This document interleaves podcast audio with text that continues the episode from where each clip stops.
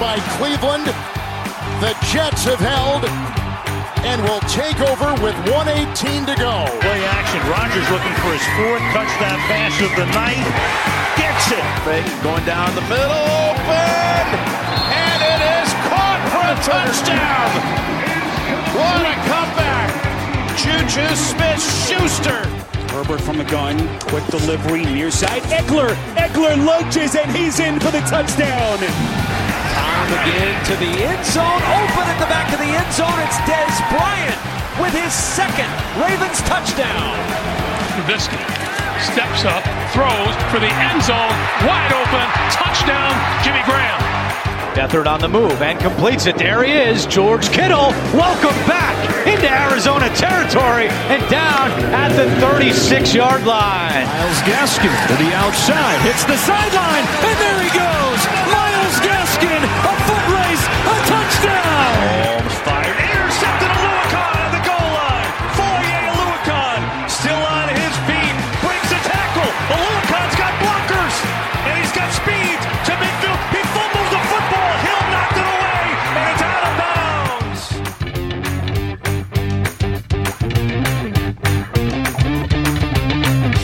Dit is NFL op woensdag, een wekelijkse podcast over de NFL, de National Football League. NFL op woensdag is een productie van KVM Media. Je kan KVM Media op de diverse social media kanalen vinden via KVM Media. Nog steeds is het spannend in de NFL. En wat is er mooier dan divisiewinnaars en playoff deelnemers die pas in week 17 bekend worden. Mijn naam is Klaas-Jan en tegenover mij zit Pieter. Mooi. Dit is seizoen 1, aflevering 16 van de NFL op woensdag.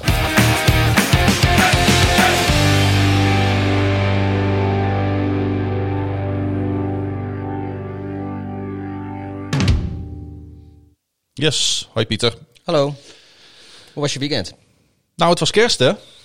Oh ja. Ik weet niet of je dat nog Was- weet. Was ik alweer vergeten. Hoe was je kerst, kun je ook vragen. Ja, hoe was je, hoe was je kerst? Eh, dat bedoel ik eigenlijk. Nou, het viel in een weekend, dus het eh, voelde niet echt als kerst. Oh, ja, nee, ik heb, eh, ik heb ook gewoon, ik heb gewoon gewerkt. Ja, nou ja, dat moet ook gebeuren. Dus NFL gekeken voor de, voor de podcast. Alles voor de luisteraars. Niet bij de familie langs geweest? Eventjes. Oké. Eventjes. Dus wel even gesnoept van, het, van de kerstdis. Ja, en eh, ik had, de vriend van mijn broer die had koek- koekjes gebakken. Dus daar heb ik ook, ik, heb, ik had wel wat mee kunnen nemen voor je trouwens. Maar eh, ja, daar heb ik ook wat van thuis liggen. Dus ik kan de hele week nog, nog bijvreten. Ja, ik ben ook even bij de families langs geweest. lekker gegeten. En ehm, wat was er leuker dan dat er s'avonds iedere avond NFL te beleven was? Eerste kerstdag, tweede kerstdag, derde kerstdag. Ja, weet je, ik Vierde snap, kerstdag ja, zelfs. Joh, ik, snap dat, ik snap dat hele gedoe met, met high school en college. En ik, ik snap het helemaal. Maar eh, jongen, daar hebben wij toch in Nederland, kopen we daar helemaal niks voor. Gewoon iedere dag van de week NFL, eh, geen gezeik. Nou, weet je, dat heb ik. eh, nu begin jij erover. Maar we hebben dit seizoen natuurlijk vaak wedstrijden op dagen gehad waar we het normaal niet op hebben. Alle zeven dagen. Alle dagen. En eigenlijk is dat best wel lekker. Ja, maar dat, dat mag wel vaker, wat mij betreft. Ja, ik, snap, ik, weet waarom ze het niet doen, maar ik, eh, voor mij mogen ze het wel doen. Ja, want in de NFL is ook bijna iedere wedstrijd het aankijken waard. Want zelfs als het niet eh, spannend is, dan is er wel weer een team dat, ehm, ja, wat, wat wij gewoon ontzettend van kan genieten. Van Ja, een hele ik- toffe aanval Ik, bijvoorbeeld. ja, ik moet wel zeggen dat eh, op het moment dat, dat het sportief, zeg maar, of qua niveau of, of qua spanning niet, niet heel geweldig is, dan begin je zeg maar wel de sfeer van wedstrijden met publiek te missen. Ja. Dat, ik, ik, heb Ja. wel, ik merk wel dat ik dan al zoiets heb van, nou, als, het, eh, als er niet iets heel bijzonders meer eh, staat te gebeuren, dan, dan wordt het al snel achtergrondtelevisie voor mij. Ja, dat snap ik wel. Zo ben ik bijvoorbeeld afgehaakt bij de tweede helft van Buccaneers Lions, was het? Uit mijn hoofd. Nee man, Blaine Gabbert, dat was mooi man. Ja, Nee, ik, het was niet zo mooi. Ik, eh, ik, ik, ja, weet je, dat is natuurlijk weer super homerism, maar dat, ik, dat zie je, die Lions zie je daar dan tegen die- ja, zichzelf eigenlijk gewoon voor, voor, voor lul zetten. Dan denk ik, verdomme man, hier hebben wij gewoon, eh, wij als in de Chicago Bears gewoon een paar weken geleden volkomen onnodig van verloren. ja. En eh, als je dat gewoon even had, weet je, die- dan, dan Ja, was je al klaar geweest. Zo Dan- gaat dat altijd, joh. Dat zit Ja, in nee, ieder maar- seizoen ja. opgesloten. Nee, maar goed, dit, dit, dit weet je, dit, Denk je dat als de Chiefs nu naar de Raiders kijken van de afgelopen weken, dat ze niet denken van hoe hebben wij Nee, hiervan kunnen verliezen? Nee, maar de, ma- of, of ze nou, ja, tuurlijk is het leuk hoe ongeslagen gaan, maar die, die Chiefs die kunnen die nederlaag wel leiden. En, Dat is Bear- en voor de Bears eh, kan dat het verschil zijn tussen wel of geen postseason nu. Ja, Want ja. als ze wel hadden gewonnen, was het klaar geweest. Dan maakte het niet meer uit wat ze week 17 Nee, een beter voorbeeld zou dan zijn bijvoorbeeld hoe de Ravens naar de Patriots kijken. Dat ze denken, hebben wij daarvan kunnen verliezen? En dan Ja. nu nog... Hoe dan? Ja. Gaan we het niet meer over hebben, dan moet je aflevering eh 9 voor terugluisteren. Is het, was dat 9? Ik heb geen idee. Ik ook niet. Het was volledig uit de lucht gegrepen. Hey, ik wil even naar onze vaste luisteraars, onze community. En eh, we hebben tegenwoordig ook Instagram. Dus volg ons daar ook vooral. NFL op Echt, woensdag. iedere, iedere uitzending zeg je tegenwoordig alsof het helemaal nieuw is, maar volgens mij wordt het al een maand. Eh, dat klopt. Het is al stoffig aan het worden. Ja, maar er zijn ook mensen die nu weer voor het eerst luisteren. Ja, maar het wordt ook tijd voor TikTok. Jij bent eh, manager social media, dus bij deze onderzoek TikTok. Ik, ga het, ehm, eh, ik ga dat bespreken met onze creatief directeur bij KVM Media. Oké. Misschien eh, dat we daar een stagiair voor kunnen inhuren of zo. Ja. Eh, Daan zegt op Instagram: Heren, luister elke week met veel plezier. Keep it going. Jullie zijn beide wel met een glimlach wakker geworden. Eh, zullen wel met een glimlach wakker geworden zijn naar het perfecte scenario voor zowel de Bears als de Ravens. Nou, ja. Dat is natuurlijk wel een beetje waar, want het Ja. was eerst maar de vraag of wij, of onze teams überhaupt in die playoff picture terug Ja, te nee, zouden, dat is, eh, zien eh, ja, is na week goed. 16. We zitten nog steeds allebei een beetje met een domme grijns elkaar aan te gapen hier. Ja, Dus dat, nee, we zijn er best vrolijk over. Kijk, eh, jij zei dat eh, volgens mij één of twee weken geleden heel terecht. Het feit dat je meedoet in week 17 om de knikkers, dat, daar moet je al heel blij mee zijn. Ja, het is, eh, kijk natuurlijk, als een, een team is, als je, als je een team hebt, is dat je team. Maar het begint op een gegeven moment wel eens te vervelen als je steeds in november al eigenlijk al, al klaar bent voor dat seizoen. En dan is het wel leuker om te zien hoe andere teams eh, al die spanning hebben. Maar het mooiste is als je eigen team eh, in ieder geval tot het einde toe meedoet. En het allermooiste zou zijn dat je één of twee eh play-off rondjes ook nog even mee kan doen. Ja, absoluut. Of gewoon helemaal tot het einde, waarom niet? Maar in ieder geval leuk dat je even laat weten, Daan, dat je met plezier luistert. Dat vinden wij dan wel leuk en dat motiveert ons ook weer om door te gaan. Daartegenover staat dan een reactie van Nick. Die zegt, mannen, ben fan van jullie podcast. Toen dacht ik, yay! You go, you Nick, rock, dat Nick. is eh, onze kerstverse Bears-fan, toch? ja, dat is... eh, Die is een paar weken geleden is die gaan kijken, eh, volgens mij naar Red Zone. En de eerste touchdown die er langs zou komen, dat zou zijn team worden. En dat was eh, die touchdown van Montgomery tegen de Texans, geloof ik. Is hij al eh, lid ook van de, van de Dutch Bears? Ik heb geen idee. Als ik, ik zal eens eh, kijken of ik daarachter kan komen. Ik ben benieuwd wie die account runt. eh, en dan gaan we dat eens uitzoeken. Oké. Hij zegt, maar af en toe vind ik het wat lang. Is het een idee om bijvoorbeeld op Soundcloud aan te geven wanneer jullie het over welke wedstrijd hebben? En eh, Nick, ik wil je allereerst bedanken voor je feedback. En het antwoord daarop is nee. Dan gaan we door naar een vraag van... eh, Nee, dat is gewoon, ja, nee, maar dat is, dat is echt heel veel werk. dat Maar is een beetje flauw dit. als, eh, als Nick de hele podcast terug wil luisteren en dan ons de timestamps wil sturen, dan kunnen wij eventueel de omschrijving wel aanpassen. Maar ik denk niet dat dat eh, het idee is. Kijk, natuurlijk snap ik waar dit vandaan komt. Ehm We 16 zijn lang, we wedstrijden. zijn lang van stof. ook. 32 teams. Het is wel ontzettend veel. Aan de andere kant, je hebt je waarschijnlijk ook door andere afleveringen heen geslagen. Het is nu nog één keer hierna dat alle 32 teams in actie komen. En vanaf eh, januari eh, gaan we de play-offs in. En dan blijven er nog maar een paar teams over. Ja, en dan wordt het pas in september weer lang. En tegen, Precies. die, en tegen die tijd ben je al lang blij dat de NFL weer terug is. Nou, zo is het. Ehm, ja, mooie vraag van eh, Frank. Die vraagt, wat is er bij jullie blijven hangen van dit reguliere seizoen? Hij is al een beetje aan het terugkijken, denk ik. En wat was de mooiste wedstrijd? En wie is de MVP, de OP en de DPI? eh, hoe noem je dat? Defensive Player of of the year, Year, zeg maar, van, eh, Offensive Player en de MVP. Nou, we zijn natuurlijk 16 wedstrijden onderweg. Dus nou, we kunnen daar ondertussen denk ik ook wel wat over zeggen. Heb jij een wedstrijd van dit seizoen waarvan jij denkt van die is mij het meest bijgebleven? Tot nu toe dan? Het reguliere seizoen. Ja, de playoffs dat, staan eh, voor de deur.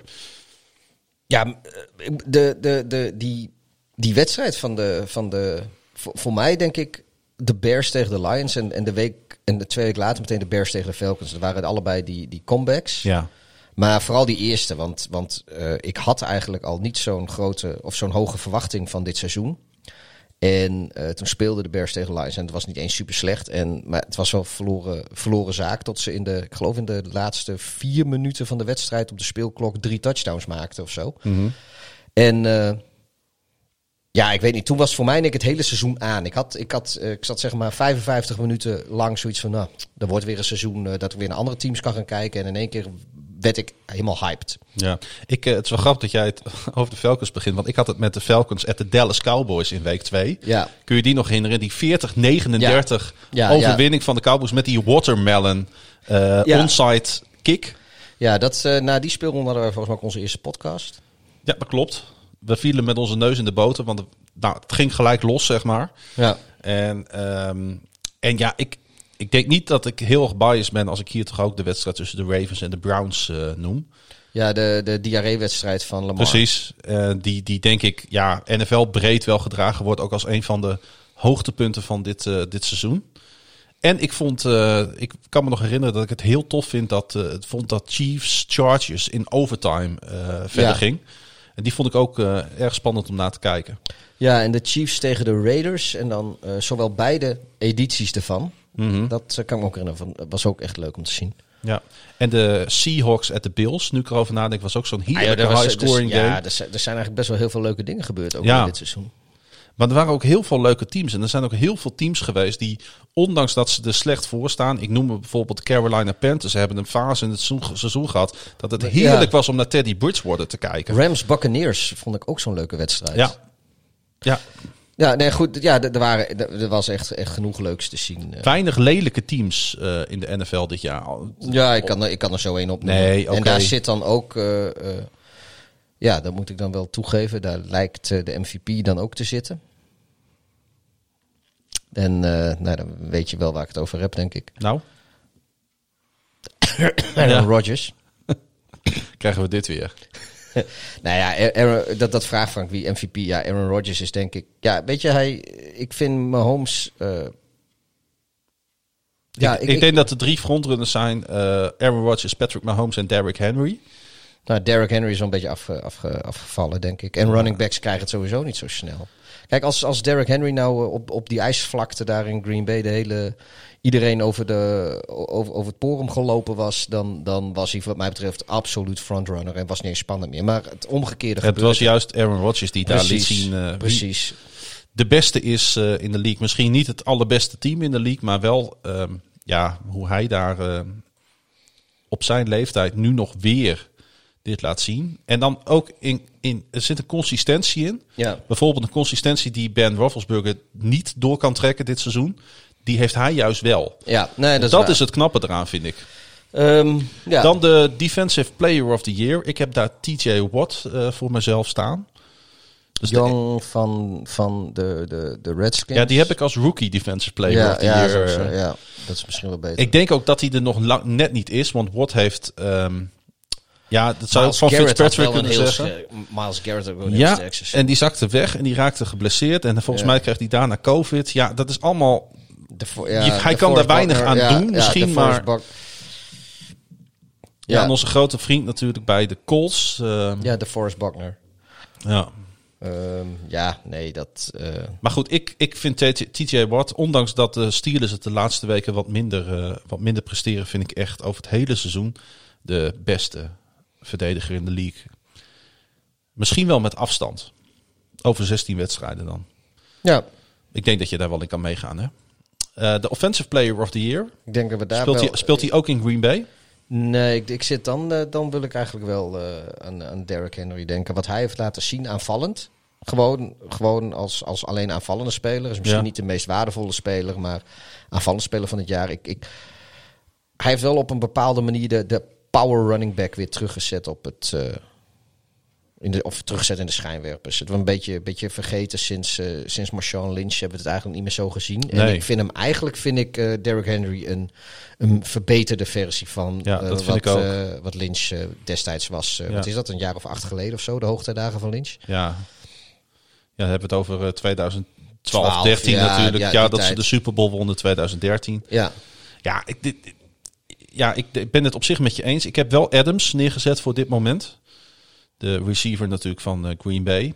Maar het is mij om het even. Maar dat komt ook omdat het twee verschil- verschillende skill positions zijn. Dat Ja, je ze niet met elkaar kan eh, vergelijken. Ja, maar als je dan eh, Adams en Green Bay, dan zou ik nog eerder kijken, als we naar de receivers kijken, naar eh Dix in Buffalo.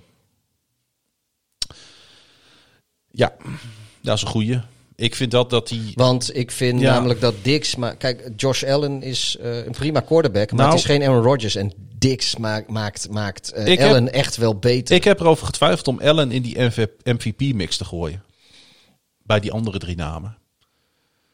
Mm, ja, ik, ik, ik, ik denk dat Allen, wat, daar, nou, daar worden we, komen we later misschien nog wel op terug. Wat, wat ze in eh, Buffalo heel goed gedaan hebben, is eh Allen omringen met, eh, met wapens. En alles eh, is er helemaal op gefocust om zijn sterke punten zo sterk mogelijk voor de dag te laten komen en zijn zwakke punten te verbloemen. En dat lukt heel goed. Alleen, eh, kijk, een Aaron Rodgers of een Patrick Mahomes, die kun je ondertussen die kun je bij, uit, bij ieder team weghalen. Of sorry, bij, bij hun eigen team weghalen en bij ieder team neerzetten. En dan wordt dat team meteen gewoon treden, stijgt het in, in, op, de, op de power rankings. En ik denk als je, als je eh, Josh Allen eh, weghaalt bij Buffalo en dan neerzet bij de Jets, ik noem maar wat. Dan worden de Jets niet in één keer een, een, een veel beter team. En ik denk dat dat als je Mahomes of, eh, of Aaron Rodgers eh, neerzet daar, dat, dat je dat veel meer merkt. Nou, dat is valide, dat punt. Hebben we nog over de Offensive Rookie of the Year. En daar heb ik, ben ik op dit moment voor Justin Jefferson gegaan. Herbert. Ja. Ik vind Ja. dat het tussen hun gaat. Want ik vind Justin Ja, Jefferson Ju- ja, Justin Jefferson op zijn positie. Ja, als, rookie hij verreweg de allerbeste. Hij is, eh, hij is denk ik eh, in de discussie voor misschien wel de beste receiver dit seizoen. Samen met, eh, met Dix en, en Adams. Maar hij is een rookie. Ja. Moeten we niet vergeten. En dat, dat, dat is... Maar dat geldt voor Chase Young ook. Hè? Die, Ja. die je al bijna zeg maar, in de mix wil gooien bij Ja. die, die, Ja, ik- die ik- jongens die al ja, jaren wel- meespelen. Ja, nee, klopt, klopt. Dus we hebben met Jefferson en Young natuurlijk. Ik vind sowieso, er zitten een aantal bij. Als je naar die draftklas kijkt, Herbert ook. Er zitten wel een aantal pareltjes tussen dit jaar hoor. En dan zie je ook weer dat je niet, niet altijd per se eh, in de top 5 hoeft te pikken Nee. om die hele goede spelers eruit te halen. Nee, dat is met Chase Young natuurlijk niet het geval. Dat was de, de nummer 2 overall. Maar eh, je hebt gelijk. Ehm, hey, laten we verder gaan met de show voordat dit eh, helemaal uit de hand loopt. Ja. Het is wel heel erg leuk altijd om aan het eind van het jaar hier natuurlijk altijd op terug te kijken. Maar wij gaan daar vast nog hele leuke uitzendingen over maken volgend jaar. Waarin wij terug gaan kijken op dit seizoen. Eh, Chris Septe die vraagt: wanneer worden wedstrijden in verband met corona uitgesteld en wanneer niet? En nee, hier zit geen frustratie bij. Nou weet ik dat Chris Nou, het korte fan van de, van de Browns is. Ja, maar het korte ongenuanceerde antwoord is, is als de eh, Ravens last hebben, dan wordt het uitgesteld. En als een ander team problemen heeft, dan moet het gewoon doorgaan. En dat is een uitstekende regel in de NFL. Ja, dat, dat, daar, heb, daar hebben ze lang voor gelobbyd in Baltimore. Ja. En eh, eh, het kostte wat moeite. Nee, eh, Nee, het gaat om één ding, Chris. Eh, dat is vanaf het begin is dat, is dat duidelijk gemaakt door de NFL, door de league en door de PA en door de commissioner. Als, een, als de virusuitbraak gecontained is, dus is hij, hebben ze hem kun, kunnen beteugelen en komen er geen nieuwe gevallen bij, dan is er, kan er geen sprake, mag er geen sprake van uitstellen zijn. Dat is echt het meest Ja, simpele en- korte antwoord. En wat natuurlijk ook een beetje meespeelt is omdat eh, eh, redelijk vroeg in het seizoen eh, de Titans en inderdaad qua grote uitbraken daarna halverwege het seizoen de Ravens. Toen dat eigenlijk gebeurd was, was alle flexibiliteit haast wel uit de, uit de kalender. Als je dan voor wat er bij de Browns gebeurde of bij de Denver Broncos met hun quarterback, quarterbacks. ehm, ja, als je, dan had je al eigenlijk naar dat 18 playoff scenario moeten gaan en eh, geen bye week. eh, weet je wel, dan, dan, en, en dan, Ja. weet je, dan, dan had je al die, die, die En natuurlijk ontzettend veel pech dat je nu één receiver heeft, heeft, een, heeft een verkeerde test. Die is in eh ja, Ja, nauw met, met elkaar in de jacuzzi gezeten, Ja. geloof ik. Hè? En dan denk ik, ja, precies. Maar ja, dat, dat, dat zie je bij meer teams natuurlijk. Dat ik denk van ja, eh, de, de, de, eh, de Denver Broncos quarterbacks die zijn met elkaar in een ruimte wedstrijdbeelden gaan bekijken. Ja. Terwijl dat helemaal niet op hun eh, werkschema stond. Nee, maar dat is ook, weet je, daar heb ik toen eh heel In dit seizoen, op gehad. ja. Heb ik toen en en dat, Dat geldt hier de- weer. Ja, Iedereen kan ook gewoon na de training namelijk in zijn autootje stappen en lekker naar huis gaan. Ja, en lekker Dat- via Zoom eh Ja. eh, plays gaan Precies, analyseren. hebben ze niet En- voor gekozen. Ja, En, en allemaal in je eigen jacuzzi gaan zitten en je iPadje erbij. En dan via Zoom eh, lekker kletsen en, en vert- vertellen hoe je badbom gaat. ja. Hebben ze niet gedaan. Ja, kijk, en als dit week 2 of week 3 was gebeurd, dan had ik het echt sneu gevonden. Maar we zijn ondertussen in week 16, we, we- in, in maand 10 van de pandemie of zo, maand 11 van de pandemie. Eh, week 16 van de NFL. Ja joh, als je dan nu ehm, nog een beetje verrast gaat zitten doen over van... oh, kan dit ook gebeuren? Ja, dan ben je er... Ik weet niet waar je afgelopen jaar was, maar dan heb je niet opgelet. We kregen twee eh, opmerkingen over de scorigami binnen. Daar zul jij blij mee zijn, Pieter. Geert-Jan die zegt, ehm, hoe is het met al die duizenden wedstrijden die al gespeeld zijn mogelijk... dat er zoveel scorigama's, eh gamis vallen of bijna vallen de laatste tijd? En ook Frank heeft het erover. Hij zei, lijkt het zo omdat we er nu zo op letten... omdat wij, nou, jij met name dat De geïntroduceerd hebt... confirmation bias. in deze nu al legendarische podcast... Ja, eh, waar ligt het aan? Nou, eh, ik, eh, ik wist het niet en ik had eigenlijk ook nog niet echt eh, onderzoek gedaan. En toen kwam eh, Daniel, dat is de onvolprezen sportgeneuzel op Twitter. eh, die kwam met een, eh, met een linkje waarmee, eh waarmee die het een en ander eh, voor mij duidelijk maakte. Er zijn dit seizoen eh, tot nu toe elf scorigamis geweest. En dat is het meeste in een seizoen sinds eh, 2011. Het seizoen is nog niet voorbij. We hebben natuurlijk nog een volle, volle speelweek te gaan. En, eh, en eventuele play-offs. Of, en play-offs, laat ik het zo zeggen. Maar waarom er nou meer zijn? Er zijn inderdaad meer. Dus wat dat betreft heeft eh Geert-Jan dat goed geconstateerd. Dat is niet alleen maar confirmation bias. Maar zijn er oorzaken aan te wijzen? Ja, weet je, eh, de, de 2011 hadden we nog de oude regels. Dus wat dat betreft misschien niet. Maar we hebben nu wel eh, dat er iets vaker voor twee gegaan wordt. Er worden iets vaker eh, extra punten gemist. Omdat de field goal natuurlijk naar achteren is gegaan. De, de, ja, de, de, ja, de plek voor de PAT is naar achter gegaan. Ja. en, en dat zou dan eventueel kunnen bijdragen, zou je kunnen zeggen. Maar aan de andere kant, ja, 2011 waren er net zoveel als dit seizoen. En ehm, toen was dat allemaal nog niet het geval. Aan de andere kant, we hebben dit seizoen nog eh, kans op een aantal scorigamis. Wat ik me wel afvraag is, als je in een seizoen een aantal scorigami-wedstrijden hebt die je nog niet eerder hebt gehad. Is dat dan een scorigami-gami?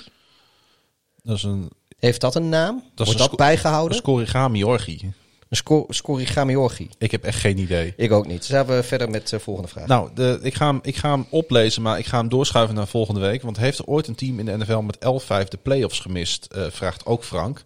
Hashtag asking for a friend. Oh, ik, ik wil je die doorschuiven? En ik heb daar heel veel huiswerk op gedaan. Oh, daar heb je huiswerk op gedaan. Heb ik huiswerk op Nou, gedaan. ik dacht, het is namelijk nog niet zo ver. eh, dat teams de Nee, playoffs. Want we weten nog niet waar we aan toe zijn. Dus Nee. ik wil even afwachten hoe het uitpakte. Maar je mag er best wat over zeggen. Ja, kijk, we zijn nog die, maar eh, eh, die- 23 minuten onderweg. Nee, die, die vraag is natuurlijk gesteld met, eh, met in het achterhoofd dat er in, de, in ieder geval in de EFC een eh, L15 de playoffs eh, zou kunnen missen. Ja. Dat is volgens mij nog steeds zo dat dat kan. Weet ik niet helemaal zeker. Maar goed. Eh, dat is eerder gebeurd. In het, eh, ik kijk alleen even naar de, naar de tijdperk van 16 wedstrijden in een seizoen. En in 1985 hebben de Broncos met 11-5 de playoffs gemist. Eh, de Jets en de Patriots hadden ook 11-5, maar die hadden de tiebreakers. De Patriots haalden trouwens zelfs de Super Bowl dat seizoen. Die ze verloren van de Bears. Zo 1985. Daar is hij weer. Ja, ik zoek overal wat bij. En eh, in 2008 waren het de Patriots eh, die aan de verkeerde kant van de tiebreaker stonden. Dan, die misten met 11-5 de, de playoffs. Terwijl de 8-8 Chargers de divisie, hun divisie wonnen. En die hadden dus wel het naseizoen. Ehm en dan in het verlengde daarvan, er zijn vier keer is er een team geweest eh, met een losing record in het naseizoen. 2015 waren dat de Carolina Panthers die met 7-8-1 hun divisie hadden gewonnen. Ik wou het zeggen, dat, dat was het jaar. Nee, sorry, ik zat nog even terug te denken dat John Elway natuurlijk eh, al quarterback was voor de Broncos. In 85. Ja. Ja, En Gary Kubiak, die naam komt straks ook nog een keer terug in de uitzending, denk ik. Want daar heb ik ook wat over. Die was toen de backup quarterback. Maar dat helemaal tezijde. helemaal Altijd leuk om even terug te gaan in de geschiedenis. Ga door. Ehm, even kijken, de 2015 7-8-1 Panthers, die hadden dus een losing record eh, waarmee ze toch de playoffs haalden. In 2010 waren de Seattle Seahawks 7-9 in de NFC West. eh, eh, en dat, die wonnen ze. En dus die ging ook met een losing record de playoffs in. Om, dat was volgens mij het, was dat seizoen van Beast Mode? Kon wel eens. En volgens mij werden ze Ja, dat seizoen wel. uitgeschakeld door Chicago, die later weer van Green Bay verloren. Ja. Eh, in de 1982 uh, was er na een kort seizoen van slechts negen wedstrijden, want er was een spelerstaking, waren er ook twee teams die met een losing record naar de playoffs gingen. Allebei hadden ze een 4-5 record. En uh, dat is zowel verrassend als niet verrassend welke teams dat zijn. Want het is verrassend dat ze de playoffs haalden. Maar het is niet zo verrassend dat ze dat met een losing record deden. Mag jij raden welke twee teams dat waren? Ik weet het echt niet. De Lions en de Browns. Oh, ja. Dat is inderdaad niet verrassend. Dus dit is de hele geschiedenis van, uh, van dit verhaal, zo ongeveer?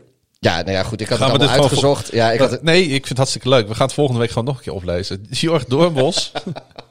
ja, het ging me allemaal veel te snel. Ik, ik, was, je, ik was je op een gegeven moment kwijt. Ik zie overal alweer luisteraars afhaken. Ja, ik zie ook de luistercijfers naar beneden vliegen nu. Ja, dit is live, mensen. Nou, dan is het tijd voor uh, onze grote vriend Jorg. Die uh, trouw luistert iedere week. Dankjewel daarvoor, Jorg. Hebben jullie vast wel gezien? George Kittle was terug. Nou, dat klopt. En dat scheelde meteen een slok op een borrel. Daarentegen zoeken ze ook daar voor volgend jaar nog een kikker. Misschien een idee voor een item inclusief inschrijfformulier. Een beetje een ludieke vraag natuurlijk. Nou ja, ik, ik, ik, ik heb her en der wat navraag gedaan bij, bij een aantal teams. Maar er is op dit moment is er nog geen enkel NFL-team die de positie van placekicker uh, beschikbaar wil stellen aan ons om weg te geven in een prijsvraag of met een inschrijfformulier. Ik ben wel ooit door John Harbaugh gevraagd om nose tackle bij de Ravens te worden.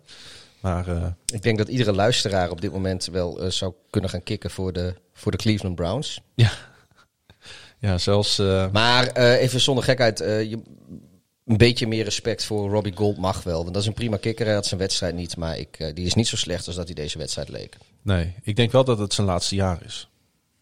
Ik heb geen idee. voor, ik, ik kan nu met vertrouwen zeggen, ik hoop niet dat ik wat jinx. Ik klop ook even af. Mm -hmm. Maar in Chicago zijn we voorzien, dus een twee jaar geleden uh, smeekte Waas nog om de hand van Robbie Gold en dat hij terug moest komen. Ja. Nu, uh, nu ben ik uh, heel erg blij met Caro Santos. Dat kan ik me voorstellen. En tot slot nog even, um, even over Dwayne Haskins, waar een aantal luisteraars die, um, ja, die, die ons daar uiteraard op attendeerden dat het uh, voorbij is. Je hoorde maar langskomen in de NFL. Of nee, jij gaat langskomen in de NFL, maar dan snel. Nou, ik wil het... Uh, ja, wij, wij weten wat komt. Wij weten wat komt. Dat is het mooie. Uh, we gaan het zo meteen, als we bij die wedstrijd zijn gekomen, best wel nog even over Dwayne hebben. Um, maar de, wel een interessante vraag die daarover binnenkwam. Want wie is er eventueel in hem geïnteresseerd? Niemand. Nee, uh, nee, dat is een beetje flauw. Maar uh, even. Ik denk dat hij uh, uiteindelijk wel als backup of zo ergens aan de bak zou kunnen komen. Want op een gegeven moment worden teams wanhopig met blessures of, of weet ik veel wat. Maar um, ik denk niet. Is hij zo'n typische eerste ronde bast? Die je wel eens vaker. Uh... Ja, maar dat heeft met zijn talent denk ik minder te maken nog dan met. Weet je, de, hij heeft slechte wedstrijden gespeeld. Mm. Maar dat uh, hoeft uh, je er niet ervan weerhouden om een baantje te vinden in NFL. Kijk naar Mike Glennon, die, die nu weer voor Jacksonville mocht spelen. Die gast die, die heeft volgens mij nog nooit een pepernoot bij elkaar gegooid in NFL. In ieder geval nee. niet in recente jaren. Maar die is altijd wel weer ergens backup. Chase Daniel, die voor de. Uh, Lions speelt. Ja. Voor heel veel teams is de, de positie van backup quarterback niet eens zozeer ge, gebonden aan hoe goed je uh, uh, als quarterback bent in als je één keer speelt. Zit er meer op karakter en mentaliteit. Je rol in de kleedkamer. Ja. Een, een, als je een jonge quarterback hebt, dan wil je een oude backup die een soort mentorrol kan spelen. Ja, of, een, of, nou... een, of een backup die, de, die, die het aanvallende systeem van de coach snapt. Ik denk dat Joe Flacco, Sam Darnold zo'n typische combinatie is. Die misschien niet altijd even goed gewerkt heeft dit jaar. Maar wat ieder team wel zou willen. Nou ja, kijk, met, met alle respect voor Joe Flacco en wat hij in het verleden gedaan heeft. Ik bedoel, die man die heeft een Super Bowl ring. Maar de, la, dit seizoen en misschien ook een vorig seizoen zat hij niet meer in de NFL. Omdat nee. hij nog mee kon komen. Maar, maar als papier, backup, precies. Nee, als, kijk, ja. hij, hij is wel waardevol voor een jonge quarterback in de kleedkamer. Met al zijn ervaring, met zijn, met zijn dingen die hij meebrengt. Ja. Lijkt me ook een rustige jongen. Ik ken hem verder niet. Um, maar Dwayne Haskins is gewoon afleiding. Dus als backup hoef je hem niet echt te gebruiken. En als starter, ja, als je echt niks anders vindt. Maar uh, um, nou, ik denk hij, dat, hij ik is denk bij dat geen de, enkel van de 32 teams is hij eerste keus. Niet als backup en zo zeker niet als starter. Ik denk dat jij de spijker op zijn spreekwoordelijke kop slaat. Uh, want uh, zometeen gaan we het over Dwayne hebben. En vooral ook uh, wat hij niet goed doet buiten het veld. Tot slot, voordat we inderdaad naar de NFL, maar dan snel gaan. Uh, de rookie question of the year, uh, of the year, of the week. maar eentje te doen het hele seizoen. um, ik heb uh, wellicht een leuke voor de rookie question. En kwam binnen via een privébericht op Instagram. Behandel eens waarom een kick-off of punt de ene keer gevangen wordt en een poging tot uh, returnen de andere keer gevangen wordt voor een fair catch en soms ook niet gevangen wordt. Um, ik denk dat een hoop mensen dat niet weten en zeker de tactiek erachter niet. Nou, is inderdaad wel een uh, leuke invalshoek om het uh, kort even over te hebben. Nou, de, de, ik snap de hint. De kick-off, als die, ja, weet je, die, die, als je die kan vangen voor de endzone al, soms gebeurt dat dan kun je ervoor kiezen om hem terug te lopen. En dan moet je eigenlijk als returner het idee hebben dat je voorbij de 25-yard line gaat komen. Want als je daar al niet komt, dan heeft het geen zin om terug te gaan lopen. Want dan is het bij een. Als je hem gewoon laat gaan, is, is, mag je zelf al op de 25-yard line beginnen. En gaat hij echt dus ver in de endzone terechtkomen of zelfs door de endzone heen, dan laat je hem sowieso gaan voor de touchback. En bij een punt is eigenlijk hetzelfde een beetje het idee. Als je als het een korte punt is en je denkt dat je, dat je hem terug kan lopen, dan, uh, dan ga je dat natuurlijk doen. Mm -hmm. Maar als je het idee hebt dat hij wel eens in de endzone terecht zou kunnen komen, dan laat je hem gaan voor de touchback. Ja, en het hangt natuurlijk ook af van hoe de coverage van de, van de special teams van je tegenstander is. En hoe snel jouw returner is, of je het, of je het doet of niet. Uh, het hangt ook een beetje af van hoe zeker die zich voelt. veel factoren, maar ja, in het kort komt het gewoon op neer. Als je het idee hebt dat je hem voorbij de 25 yard line kan brengen, dan probeer je dat. En als je denkt dat dat heel lastig wordt of onmogelijk, dan doe je dat gewoon niet. Want waarschijnlijk krijg je hem er gratis. En als mensen nou eens uh, op YouTube beelden willen terugkijken van een hele goede returner, welke naam zouden ze dan in moeten tikken in de zoekbalk? Ja, je zou uh, proberen uh, te kunnen gaan zoeken op Devin Hester. Voormalig Ravens-legende. En Seahawk-legende en Atlanta Falcon-legende. Maar ik denk dat je het meeste van hem ziet uh, voor de Chicago Bears. En ja, ik denk dat dat wel, als je dat ziet, dat is wel buitenaard soms. Ja, kan ik zeker aanraden. Ik denk dat we maar eens even het, de zestiende speelronde moeten proberen te gaan doornemen in een minuut of vier. Met een, uh, ja, en een kleine, heb ik al dus verklapt, een, rolletje voor, uh, voor Dwayne Haskins. Ja, in het programma-item van NFL op woensdag dat wij noemen de NFL, maar dan snel. Tom Brady liet zich in de rust vervangen door Blaine Gabbert en bewees zo een ordinaire systeemquarterback te zijn. De Hall of Fame lijkt verder weg dan ooit. Blaine Gabbert daarentegen bewees wie de echte ster bij de Buccaneers is. George Kittle was na de wedstrijd tegen de Cardinals nogal in zijn nopjes. Want met de San Franciscaanse zegen werd zijn jeugdliefde in het play-off zadel geholpen. Robbie Gold zette alles op alles om zijn voormalig werkgever juist buiten het naseizoen te houden. Waar heel Hawaii aan de buis staat gekluisterd voor Dolphins Raiders, eindigde het duel in een teleurstelling. Want uiteindelijk was er Fitzmagic nodig om de wedstrijd over de streep te trekken. Super Mariota trok aan het kortste eind en niemand kroonde zich koning van de Pacific. Jared Goff? More like Jared Goof. Wilson is weer aan het kokkerellen geslagen, maar echt spicy is het niet. Het is een beetje een flauwe, zoutloze hap. Maar het vult wel en dat is ook belangrijk. Dwayne Haskins, of beter gezegd Dwayne Haskins. Gelukkig wisselt hij zijn slechte beslissing af met beroerde worpen. En het is mazzel hebben dat hij niet alleen weinig yards pakt, maar ook de bal nog eens veel te vaak weggeeft. Daar staat er wel tegenover dat zijn volslagen onkunde op het veld wordt gecomplementeerd door volslagen onkunde buiten het veld. En dan schijnt het ook nog eens een klootzak te zijn. Het was een laag bij de gronds gebeuren in New Orleans. Ja, Cousins probeerde het wel door de lucht, maar het was zinloos, want de Vikings defense zal niet met plezier door het fotoalbum van kerst 2020 bladeren. Ze poseerden wel de hele avond lachend voor de camera. Ben Roethlisberger was twee kwarten lang met zijn gedachten bij een zekere serveerster uit Jacksonville. Maar dat grote schrik van de Colts was er na rust weer bij. Gosh darn it, snoekerdookies. Fudge Nuggets, Jumpin' Jiminy Crickets. Al dus Flippy Rivers. Als je geen grote voorsprong pakt, kan je die ook niet weggeven, moeten de Falcons gedacht hebben. En waarschijnlijk vonden ze zichzelf vooral heel erg slim. Jokes on them, want ook voor het weggeven van een kleine voorsprong draaien de Falcons hun hand niet om. Je kletst uit je nek als je beweert dat Jacksonville wilde winnen. Doc Marone stak zijn nek dan ook niet uit toen hij voor Mike Lennon koos. Voor de rust voelde Chicago nog de hete adem van die giraf in hun nek. En dat was pikant, want enkele jaren terug keken ze in Chicago nog met een nek aan. De nekslag werd naar rust uitgedeeld toen Chicago met drie touchdowns bewees een harde nek te hebben, waardoor Jacksonville rijkhalzend naar Trevor Lawrence kan uitkijken. Wat is zachter dan de defense van de Texans? Ik weet het ook niet. Wat ik wel weet, is dat een fumble op een potentieel wedstrijdbeslissende drive zo langzamerhand een zekerheidje is voor Houston. We kunnen wel weer heel neerbuigend gaan doen over de NFC East en hoe alle teams daar losing records hebben, maar vergeet niet, de NFC East is de enige divisie waarin alle teams nog tot ver in december kans hadden op divisiewinst en de playoffs. De Eagles zijn pas in week 16 uitgeschakeld en dat is respect. De Giants zitten dus nog wel op het vinkentouw, als het vinkentouw heel lang is dan. En met een heel klein vinkje. Een vinkje dat vakkundig uit elkaar gepikt werd door een vluchtraven. Raven, Ravens, die zelf juist van het vinkentouw af zijn en hun eigen lot bepalen. Als dit seizoen iets heeft uitgewezen, is het wel dat geen mens Derrick Henry kan stoppen. Maar een sneeuwbui, daar heeft King Henry niet van terug. Als Bambi op het ijs stonden de Titans op de tundra van Lambo. En laat Bambi nou net de favoriete film van Aaron Rodgers zijn. Logisch wel, want het is een wijvenfilm. Een Newtons fluidum. Ook wel Newtoniaanse vloeistof genoemd. Dat is een fluidum, eh, zoals een gas of een vloeistof, waarbij de schuifspanning in de stof recht evenredig is aan de gradient van de stroomsnelheid, loodrecht op het schuifvlak. Ja, ik snap hier net zoveel van als Cam Newton van quarterbacken. Waar de Jets zich vorige week nog op Browns-achtige wijze van de eerste draftpick ontdeden, ontdeden de Browns zich deze week op Jets-achtige wijze van de kans op playoffs. Ik weet eigenlijk ook niet wat we hadden, anders hadden moeten verwachten. Ja, hoewel hij niet meer met nummer 53 speelt, begint Herbie meer en meer de harten van de fans te stelen.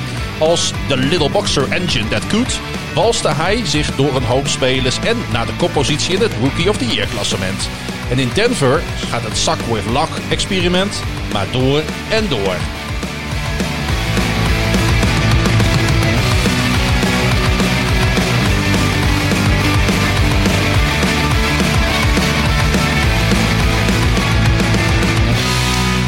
Ja, ik dacht ik laat de gitaren gewoon even lekker uh, doorspelen. Er is niks met een beetje gitaarmuziek. Omdat het ook zo'n uh, lekker deuntje is. We gaan naar uh, Monday Night Football. Traditioneel altijd de eerste wedstrijd die wij met z'n tweeën onder de loep nemen. Ja, 36 minuten. Uh, Monday Night Football, Buffalo Bills at New England Patriots 38-9. En uh, ja, dat er een wisseling van de wacht plaatsvindt in de AFC East, dat wisten we al. Maar de Bills kon het niet nalaten dat nog even flink te onderstrepen met deze ruime zegen op de Patriots. De laatste keer dat de Bills de Patriots sweepten, dus beide wedstrijden in één seizoen wonnen. Dat was in 1999. En de laatste divisiegenoot die de Patriots sweepten, dat waren de Jets en de Dolphins in 2000. 19 seizoenen later was het dus eindelijk weer eens zover. Ja, die, Patriots die hebben de, de afgelopen 20 jaar hebben ze zoveel records eigenlijk uh, scherp gezet. Dat um, zelfs nu ze niet meer zo goed zijn, ga je nog in één keer, uh, ga je nog heel vaak horen over dingen die ze, die ze al zo lang niet meegemaakt hebben. Weet ik veel, een aantal wedstrijden op rij verliezen. Uh, ik bedoel, we hebben net de, de, de Buccaneers met Tom Brady hebben zich mm -hmm. gekwalificeerd voor de, voor de playoffs. Voor het eerst sinds 2007 volgens mij. Dat de Buccaneers de playoffs halen. Ja, klopt. 2007 de laatste keer. Het is dit jaar voor het eerst sinds 2008 dat de Patriots, ook met Tom Brady steeds, de playoffs niet halen. Ja. Ik bedoel, om, om maar even... De Patriots hebben heel veel rare... rare nou, rare. Die hebben gewoon echt enorm veel statistische records die... die allemaal maar aantonen hoe lang en constant ze goed zijn geweest. Ja, absoluut waar. Um, nou, eigenlijk uh, hoeven we het over de Patriots ook niet meer zoveel te hebben. Want nee. die zijn gewoon uitgespeeld. Nee, maar de Bills, dat, uh, daar wil ik wel. Die 3-3 stand hè, was het uh, eerste kwart. En op de eigen 35-yard line, fourth and two. En uh, uh, dan doe je gewoon een fake punt als, uh, als Buffalo Bills zijn. Want je hebt gewoon alle vertrouwen erin. Ja, en gewoon direct meteen de toon zetten in die wedstrijd. Als ik het goed, Lekker agressief. Als ik me het goed herinner, gingen ze later in die drive nog een keer op fourth down ervoor. Ja, of, in, ik weet niet of dezelfde drive was, maar in ieder geval volgens mij hetzelfde kwart. Of die, in ieder geval ook nog in de eerste helft. Ja. En toen kregen ze hem gratis. omdat, ja. omdat was dat, hoe heet die jongen? Ja, is een penalty. Butler. ook, heet hij ook Butler? Ik, de Patriots? Dat, dat, durf ik zo niet te zeggen. Nou ja, dat was in ieder geval. Het alles ging mis uh, zo ongeveer voor de Patriots. Maar quarterback Josh Allen, die laat wel zien dat hij klaar is voor de playoffs, uh, Pieter. Ja. Hij is in ieder geval in playoff vorm uh, aan het Ja, de, de, de, de Bills die zijn de laatste weken, zijn die, nou dat is niet eens meer Loki, want iedereen met ogen nee. kan het zien. Die zijn gewoon even hun ja, als ze dit door, die zijn, lijken echt op het juiste moment te gaan pieken. Zijn zij nou het team buiten de Chiefs om die je in de AFC playoffs niet wil tegenkomen? Nou, ik denk dat de Chiefs eigenlijk liever de Bills ook niet tegenkomen. De Bills die nee. zijn echt in bloedvorm. En uh, de Chiefs die, uh, die zijn ook weer gewoon heel goed. En die, en die, die hadden het winnen steeds een wedstrijd. Maar die hebben het altijd inderdaad wel moeilijk. Ik bedoel... Die hadden het niet makkelijk eerder dit seizoen. Ook tegen de Bills niet in Buffalo. Nee, nee. En... en Kijk, al die steekjes die de, die de Chiefs laten vallen, die ze uiteindelijk wel weer goed maken. Waardoor ze alsnog al die wedstrijden over de streep trekken de laatste vier, vijf weken. Dat is, dat is allemaal leuk en aardig.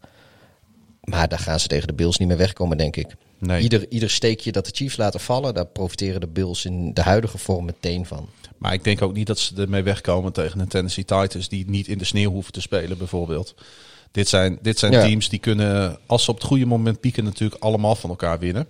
En zeker met Josh Allen onder center. Want zijn 34 touchdown passes, die zijn goed voor, jawel, een franchise single season record. Ja, dat is iedere week eh, wordt hij scherp gesteld, zo langzamerhand. Ja, maar hij is nu officieel eh Bills-legende Jim Kelly voorbij. Oké. Ja, hij had wel wat andere eh, Ja, hij heeft op, op, op eh, passing yards. ja, en op, er waren wat andere dingen Heeft hij Maar dit is natuurlijk, eigenlijk is dit het belangrijkste. Want hiermee, een spits wordt afgerekend op zijn doelpunten en een quarterback op de touchdowns die hij Ja. gooit. Gaan de Bills volgende, voor, die kunnen volgens mij de eerste seat niet meer halen, hè? Nee. Nee, nee die, die hebben de Chiefs officieel geclinched. En wat is het? Kunnen ze nog derde seat worden, de Ja, Bills? ik denk dat zij... Gaan zij, gaat, ehm, gaat Josh Allen spelen voor? Dat is eigenlijk wat ik mij afvraag. Spelen de Bills op volle kracht tegen de Dolphins? Volgens mij moeten de Dolphins naar Buffalo. Ja. Ik denk dat zij namelijk eh, de Steelers ehm, nog voorbij kunnen. Steelers hebben drie keer verloren op rij. De, oh nee, ik, eh, ik zeg het helemaal verkeerd. De Bills die staan al op de tweede seat. Ja, precies. Maar kunnen ze die nog verliezen? Dat bedoel ik. Ehm, ja, zeker. Want ze staan namelijk allebei op 12-3, de Bills en de Steelers. Dus als de Bills verliezen en de Steelers winnen, dan zijn ze de Ah, tweede oké. seat ja, kwijt. nee, oké. Ja, nee, want ik, ik zit, maar goed, het verschil tussen seed 2 en seed 3 is dat nog zo. Nou, weet je wat? We gaan het gewoon even bijpakken. Op dit moment staan de Bills dus op de tweede seat. Dat betekent dat zij thuis tegen de Browns gaan spelen. Zoals het er nu voor staat in de AFC playoffs. De Steelers staan op de derde seat. Zij zouden dan tegen de Ravens spelen. Zoals het nu op dit moment staat. En de Titans en de Dolphins zouden als nummers 4 en 5 tegen, ook tegen elkaar spelen. Dat is hoe het op dit moment staat. En de, het enige team wat nog om de babbel staat, dus zijn de Colts. eh, en net buiten, dat zijn inderdaad de Colts op de achtste seat. Maar daar kan nog Ja, van nee, maar alles ik, weer ik, ik veranderen. zit mij vooral af te vragen: is het, eh, gaat Buffalo eh eh, loon, zou het kunnen lonen om toch het risico te nemen om, eh, om je sterkste team, eh, om je, om je eh, om je, om je Nee, natuurlijk Allens, eh, om die eh, te riskeren, Nee, om die dat- tweede seat zeker te dat, stellen. dat betekent dat je eh, wellicht een, een ronde daarna... ehm, dan moet je waarschijnlijk naar bijvoorbeeld Pittsburgh... in plaats van dat je lekker in je eigen stadion mag spelen. Mhm. Ja, nee, dat is waar. We, ach, gaan het. het lijkt mij niet verstandig om je tweede seat uit- weg te geven... omwille van een weekje rust. Als je zo in de wedstrijd Nee, zit, maar tweede seat zoals heb je, Allen nee, maar daarin de zit. tweede seat heb je geen rust meer nu. Hè? Alleen de eerste seat heeft de bye. Dat klopt. Ja, ja, maar en, en Dus je hebt... uit een thuisvoordeel is, kijk, als je nou in de, in de Ja, maar NFC met de- zit, waar, waar, je- met waar de fucking- weersomstandigheden die je in Buffalo hebt... Ja. waar ze daar natuurlijk veel beter mee om kunnen gaan... ja, maar als het een AFC North team is, eh, weet je, er zitten de Browns Ja, en de kun- Ravens maar het kunnen ook de en, de, en Dolphins de eh, Steelers. of de Titans. ja, nee, goed, als je die, die kunnen het zijn, maar... Ik eh, denk dat de Ravens vorig jaar wel hebben laten zien ja, dat maar de, week de, rust de, de, Bills, de Bills zijn toch niet bang voor uit, een uitwedstrijd in, in... Nou, die kunnen volgens mij al niet eens meer uit naar Tennessee of, of Miami. nee, En, eh, eh, maar ze kunnen denk- wel uit naar Pittsburgh. Ja, maar ik, alsof, wat, wat, wat voor weersomstandigheden kan Pittsburgh op de Bills gooien die ze in Nee, Buffalo niet krijgen? En het publiek is er niet. Maar wat jij, waar jij nu steeds op hint is van moeten ze wel of niet eh, starters gaan rusten? Ja. Wat vind je zelf? Even helemaal los van de matchups. Is het mentaal handig? Is het fysiek handig? Dat, dat- ja, dat, dat kan ik niet zeggen. Ik kan er niet in de kleedkamer kijken. Het enige wat ik kan Nee. zien is dat je in een, een, een wedstrijd waar relatief weinig op het spel staat, als, als er nu een Dix of een Allen geblesseerd gaat raken, en dan, dan, ja, dan weet je, dan kunnen ze net zo goed stoppen. En dat ga je zelf nooit vergeven. Dat is waar, want de connectie En met... eh, de, en de Dolphins spelen. Kijk, het is ook niet zo dat de Dolphins eh, nergens meer voor spelen. nee, die, hebben alles om voor te die hebben spelen alles zelfs. om voor te spelen. Dus die gaan ook echt niet eh, eh, op halve kracht spelen. Nee. Kijk, als ze nou tegen de Patriots moesten. Kijk, het is dan wel een divisierivaal en bla bla bla. Maar goed, dan kun je nog zeggen van nou, weet je, ik zie Belichick. eh, die, die stuurt wel gewoon een gedisciplineerd groepje spelers de wei in. En die Ja, gaan, daar speelden ze natuurlijk tegen. Ja, nee, maar dat was nu maar als dat zeg maar week, de week 17 Ja, was. ja. Dan zou je kunnen zeggen van joh, eh, daar kun je best je, je beste spelers opstellen. Want Belichick gaat daar niet, geen misbruik van maken. Zo is hij niet. Maar ja, ach, weet je, ik heb geen idee. Ik zou het niet doen. De, en jij noemde de naam van Stefan Dix. Eh, ja, die connectie was natuurlijk weer eh, geweldig. En die werd nog eens extra kracht bijgezet met negen catches voor 145 yards en drie touchdowns.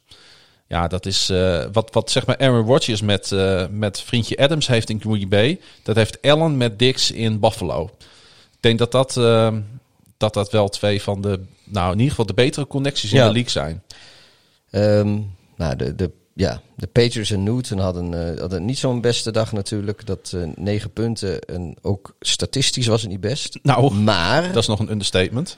Ja, weet je, maar ik wil eigenlijk eh, wil ik voornamelijk wat, wat mij is bijgebleven van de Patriots en Cam Newton. Deze wedstrijd was zijn rushing touchdown. Eh complete geslagen positie. Het leek alsof hij al gesekt was. Ja. En hij ontsnapt en hij rent die bal binnen voor een touchdown. was echt wel ouderwets Cam Newton. En eh, Maar jij weet hoeveel passing yards die neer heeft gezet eh ja, nee, ja, nee, maar goed, weet je, ik, ik wil gewoon even focussen op het positieve. Nou ja, dat kan, maar En, we kunnen, eh, je kunt het wel niet benoemen, maar hij heeft 34 passing yards neergezet. Ik denk dat hij bij zijn rushing touchdown meer dan 34 yards gelopen heeft. Misschien niet, Nee. niet Noord-Zuid, nee, niet Noord-Zuid, maar zeg maar met al zijn rondjes en dingetjes. Tuurlijk, dat, ik heb dat live gezien. Het zag er super tof uit. En in, de, in onze, Nee, maar dat, daar heeft hij in al dus onze al meer appgroep ging het gelijk eh, helemaal los. Dat weet ik wel. Maar ehm, nou ja, laten we dan dat toch even behandelen. Want Janno die vroeg dat aan ons. Ehm, wat gaat er nou met Cam gebeuren in New England volgens jullie? En Nou, die gaat daar volgend jaar niet spelen. Nee, kijk, weet je, ik, ik heb maar heel af en toe dit seizoen een glimp van die eh, 2015 MVP gezien. Ehm, was het dan allemaal zijn schuld dit jaar? Nou, dat zeker niet. Maar goed, hij had matige receivers. Hij had nou 0,1 tight end productie, waar hij natuurlijk heel weinig aan kon doen. Ja, en er is Maar natuurlijk hij ook... was zelf ook gewoon niet best. Nou ja, er is een reden waarom natuurlijk één Tom Brady het niet met dit roster zag zitten en weg is gegaan. En dan zegt Bill Belichick na de wedstrijd, Newton is het probleem niet. Maar dan denk ik, ja, maar Cam is ook niet de oplossing voor de Nee, problemen van de Patriots geweest nee, dit jaar. Nee, kijk, hij hoeft het probleem niet te zijn, maar hij is zeker de oplossing niet. En hij is wel deel van het probleem. Ja, Maar ehm, weet je, al die journalisten en mensen op Twitter eh, eh, en al die commentatoren en die talking heads op tv met hun hot takes die, die in, in na week 2, week 3 zoiets hadden van 31 teams hebben Cam Newton laten lopen. nou Waar, waar zijn die nu met hun eh, grote mond? Want eh, eigenlijk hebben gewoon alle teams die, die Cam Newton hebben laten lopen, die hebben gelijk gehad. Ja. En de Patriots hebben ook gelijk gehad dat ze hem wel hebben aangetrokken voor nou, federal minimum of in ieder geval knaken. Ja. Maar ehm, het is het niet geworden. Nee. nee, dat klopt. Weet je, en ehm, Kijk, het was een, was een low risk, high reward. Nou, die high reward zat er niet in. Dat is hij natuurlijk straks weer. Hij is van het komend voorjaar zal hij weer free agent worden. Ehm, ja, kijk, ik begreep ook dat hij zijn familie nogal mist. Dat dat een van zijn frustraties is. Want die wonen dus niet daar in de regio. Ehm, ik, denk, eh, ik denk dat hij gaat stoppen. Newton. Ja, ik denk niet dat hij ergens nog als backup quarterback voor heel weinig geld, voor een appel en een ei, nog, ehm, nog ergens opduikt. En ik zou dat persoonlijk ook niet meer doen. Misschien als een backup achter Brady in, met Tampa Bay. Ja, dan Daar, die, daar zit zijn familie volgens mij ook in de buurt. Ja, van. die zit zitten daar wel in, in, eh, dat die, klopt. Ja, die zitten volgens mij meer in de buurt van Jacksonville. Maar die Ja. zit volgens mij daar is een- in, in Centraal of Noord-Florida. nou, dat zou dan eventueel nog een optie zijn, inderdaad. Maar goed, ehm, we gaan het allemaal zien volgend jaar. We gaan het allemaal voor jullie volgen. En ehm, we gaan kijken of die eh, ergens voor inderdaad een appel en een ei nog opduikt. Het is in ieder geval, eh, wil je nog één keer van hem genieten, dan denk ik dat dat volgende week wel kan. Want ik denk niet dat Bill Belichick hem na deze 16 weken gaat benchen in zijn laatste wedstrijd voor de Patriots. Ik denk ook. Ik denk dat- niet dat hij zo in elkaar zit. Spelen tegen de Jets, hè? Ehm, eh, dat zou kunnen. Nee, volgens mij ja, weet ik eigenlijk niet. Oh, dan wacht even, dat weet ik wel. Moet ik even kijken. Eh, New England. Ja, ik denk het wel, want het zijn volgens mij. New alle- York Jets at New England. Het zijn allemaal, eh, het zijn allemaal divisie, Ja, eh, precies. En de, Dolphins, en de. Dolphins moesten naar de Ja. Bills, dus vandaar. Hey, maar laten het we is inderdaad, de Jets komen op bezoek. Laten we verder gaan met de volgende wedstrijd. Want eh, ik wil even in de divisie blijven. De Miami Dolphins, die staan namelijk ook in die playoff picture. De Miami Dolphins speelden bij de Las Vegas Raiders. In een ja, regelrechte thriller werd het 26-25. En terwijl een verdediger hem aan zijn face mask naar beneden trachtte te sleuren, Dat lukte het... no-look pass, hè? Ja, lukte het dus Ryan Fitzpatrick om halfvallend toch een no-look pass inderdaad af te leveren. Die wel eens de redding van het seizoen van de Miami Dolphins zou kunnen zijn geweest. We werden dus weer eens geconfronteerd met een flinke dosis Fitzmagic.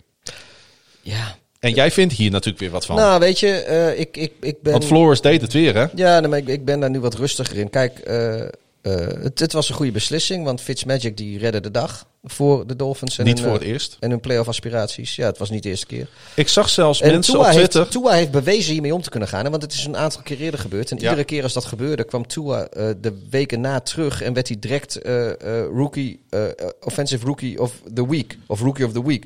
Dus dan betekent dat hij gewoon heel sterk speelde op het moment dat hij weer terugkomt. Dus dat belooft wat voor, eh, voor de Bills. Dat ze waarschijnlijk Mhm. een, een... Maar Maar er zijn zelfs mensen die vinden dat Flores hierom eh, coach van het jaar moet worden. Om wat hij eh, doet met deze twee quarterbacks. Dat gaat jou waarschijnlijk weer wat te ver. Nou, weet je, eh, ik, ik, Flores is misschien helemaal niet een rare. Om, want om, om, hangt een beetje af of de, of de Fins ook de, de play-offs halen. En, en hoe dat er dan eventueel uit gaat zien. Ja. Maar eh, hij staat wel op de shortlist. Eh, of het specifiek hierom is, weet ik niet. Ik vind gewoon. eh, kijk, wat, wat de Dolphins doen is natuurlijk hartstikke uniek. Dat is echt niet voor veel teams weggelegd. Maar die zijn eigenlijk aan het rebuilden en aan het winnen tegelijk. Ja. En eh, dat is heel erg knap. En dan kun je, ja, weet je. Hij ik staat heb- er zelf trouwens ook van te kijken hoor. Die Flores heeft hij gezegd. Ja, nee, maar ik dat heb vind in- ik ook wel weer eerlijk van hem. Ik heb in het verleden heb ik, eh, commentaar gehad op dat eh, gemier met, met wel Tua, geen Tua. Nou ja, wat ik net zei, Tua heeft bewezen ermee om te kunnen gaan. Ehm, het lijkt er ook op dat eh, in dit soort grote wedstrijden, die, waar zoveel op het spel staat, Tua op de een of andere manier het vertrouwen een beetje mist. Nou ja, als dat dan zo is, en Fitz, heeft het wel, want die is nog een beetje natuurlijk, ten eerste heeft hij al zoveel ervaring, ten tweede is een beetje van YOLO, lekker boeien, ik slinger die bal weg en we zien het wel. Als het niet is, dan maar niet.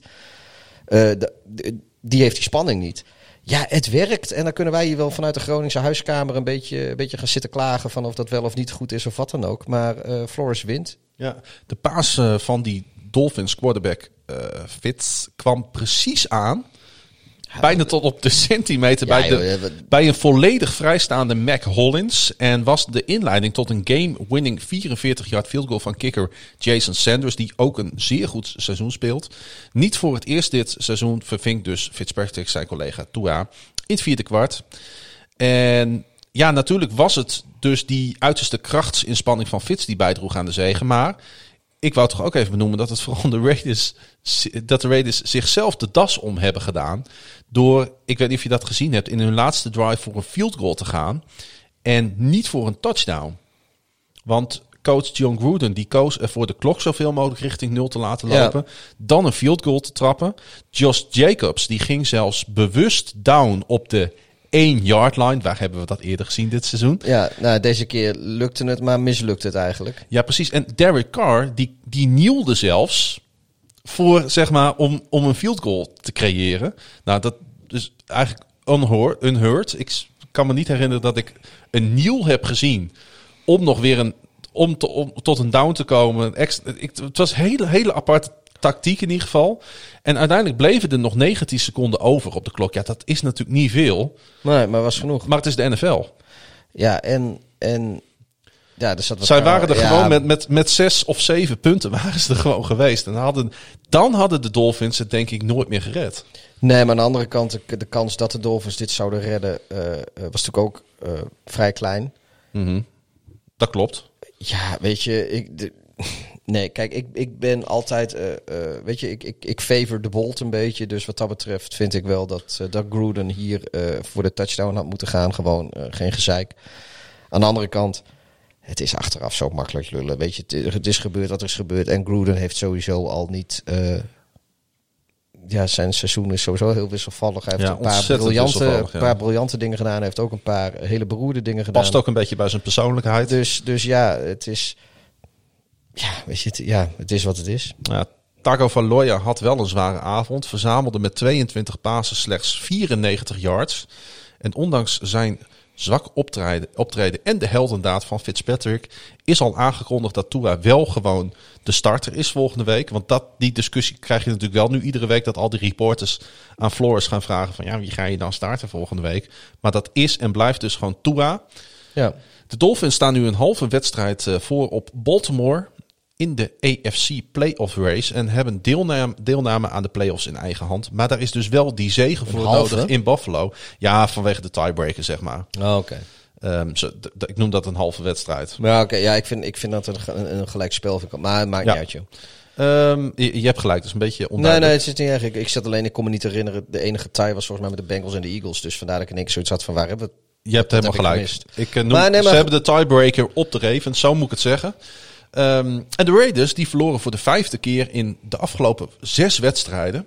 En doen voor de zeventiende keer in 18 seizoenen niet mee aan postseason.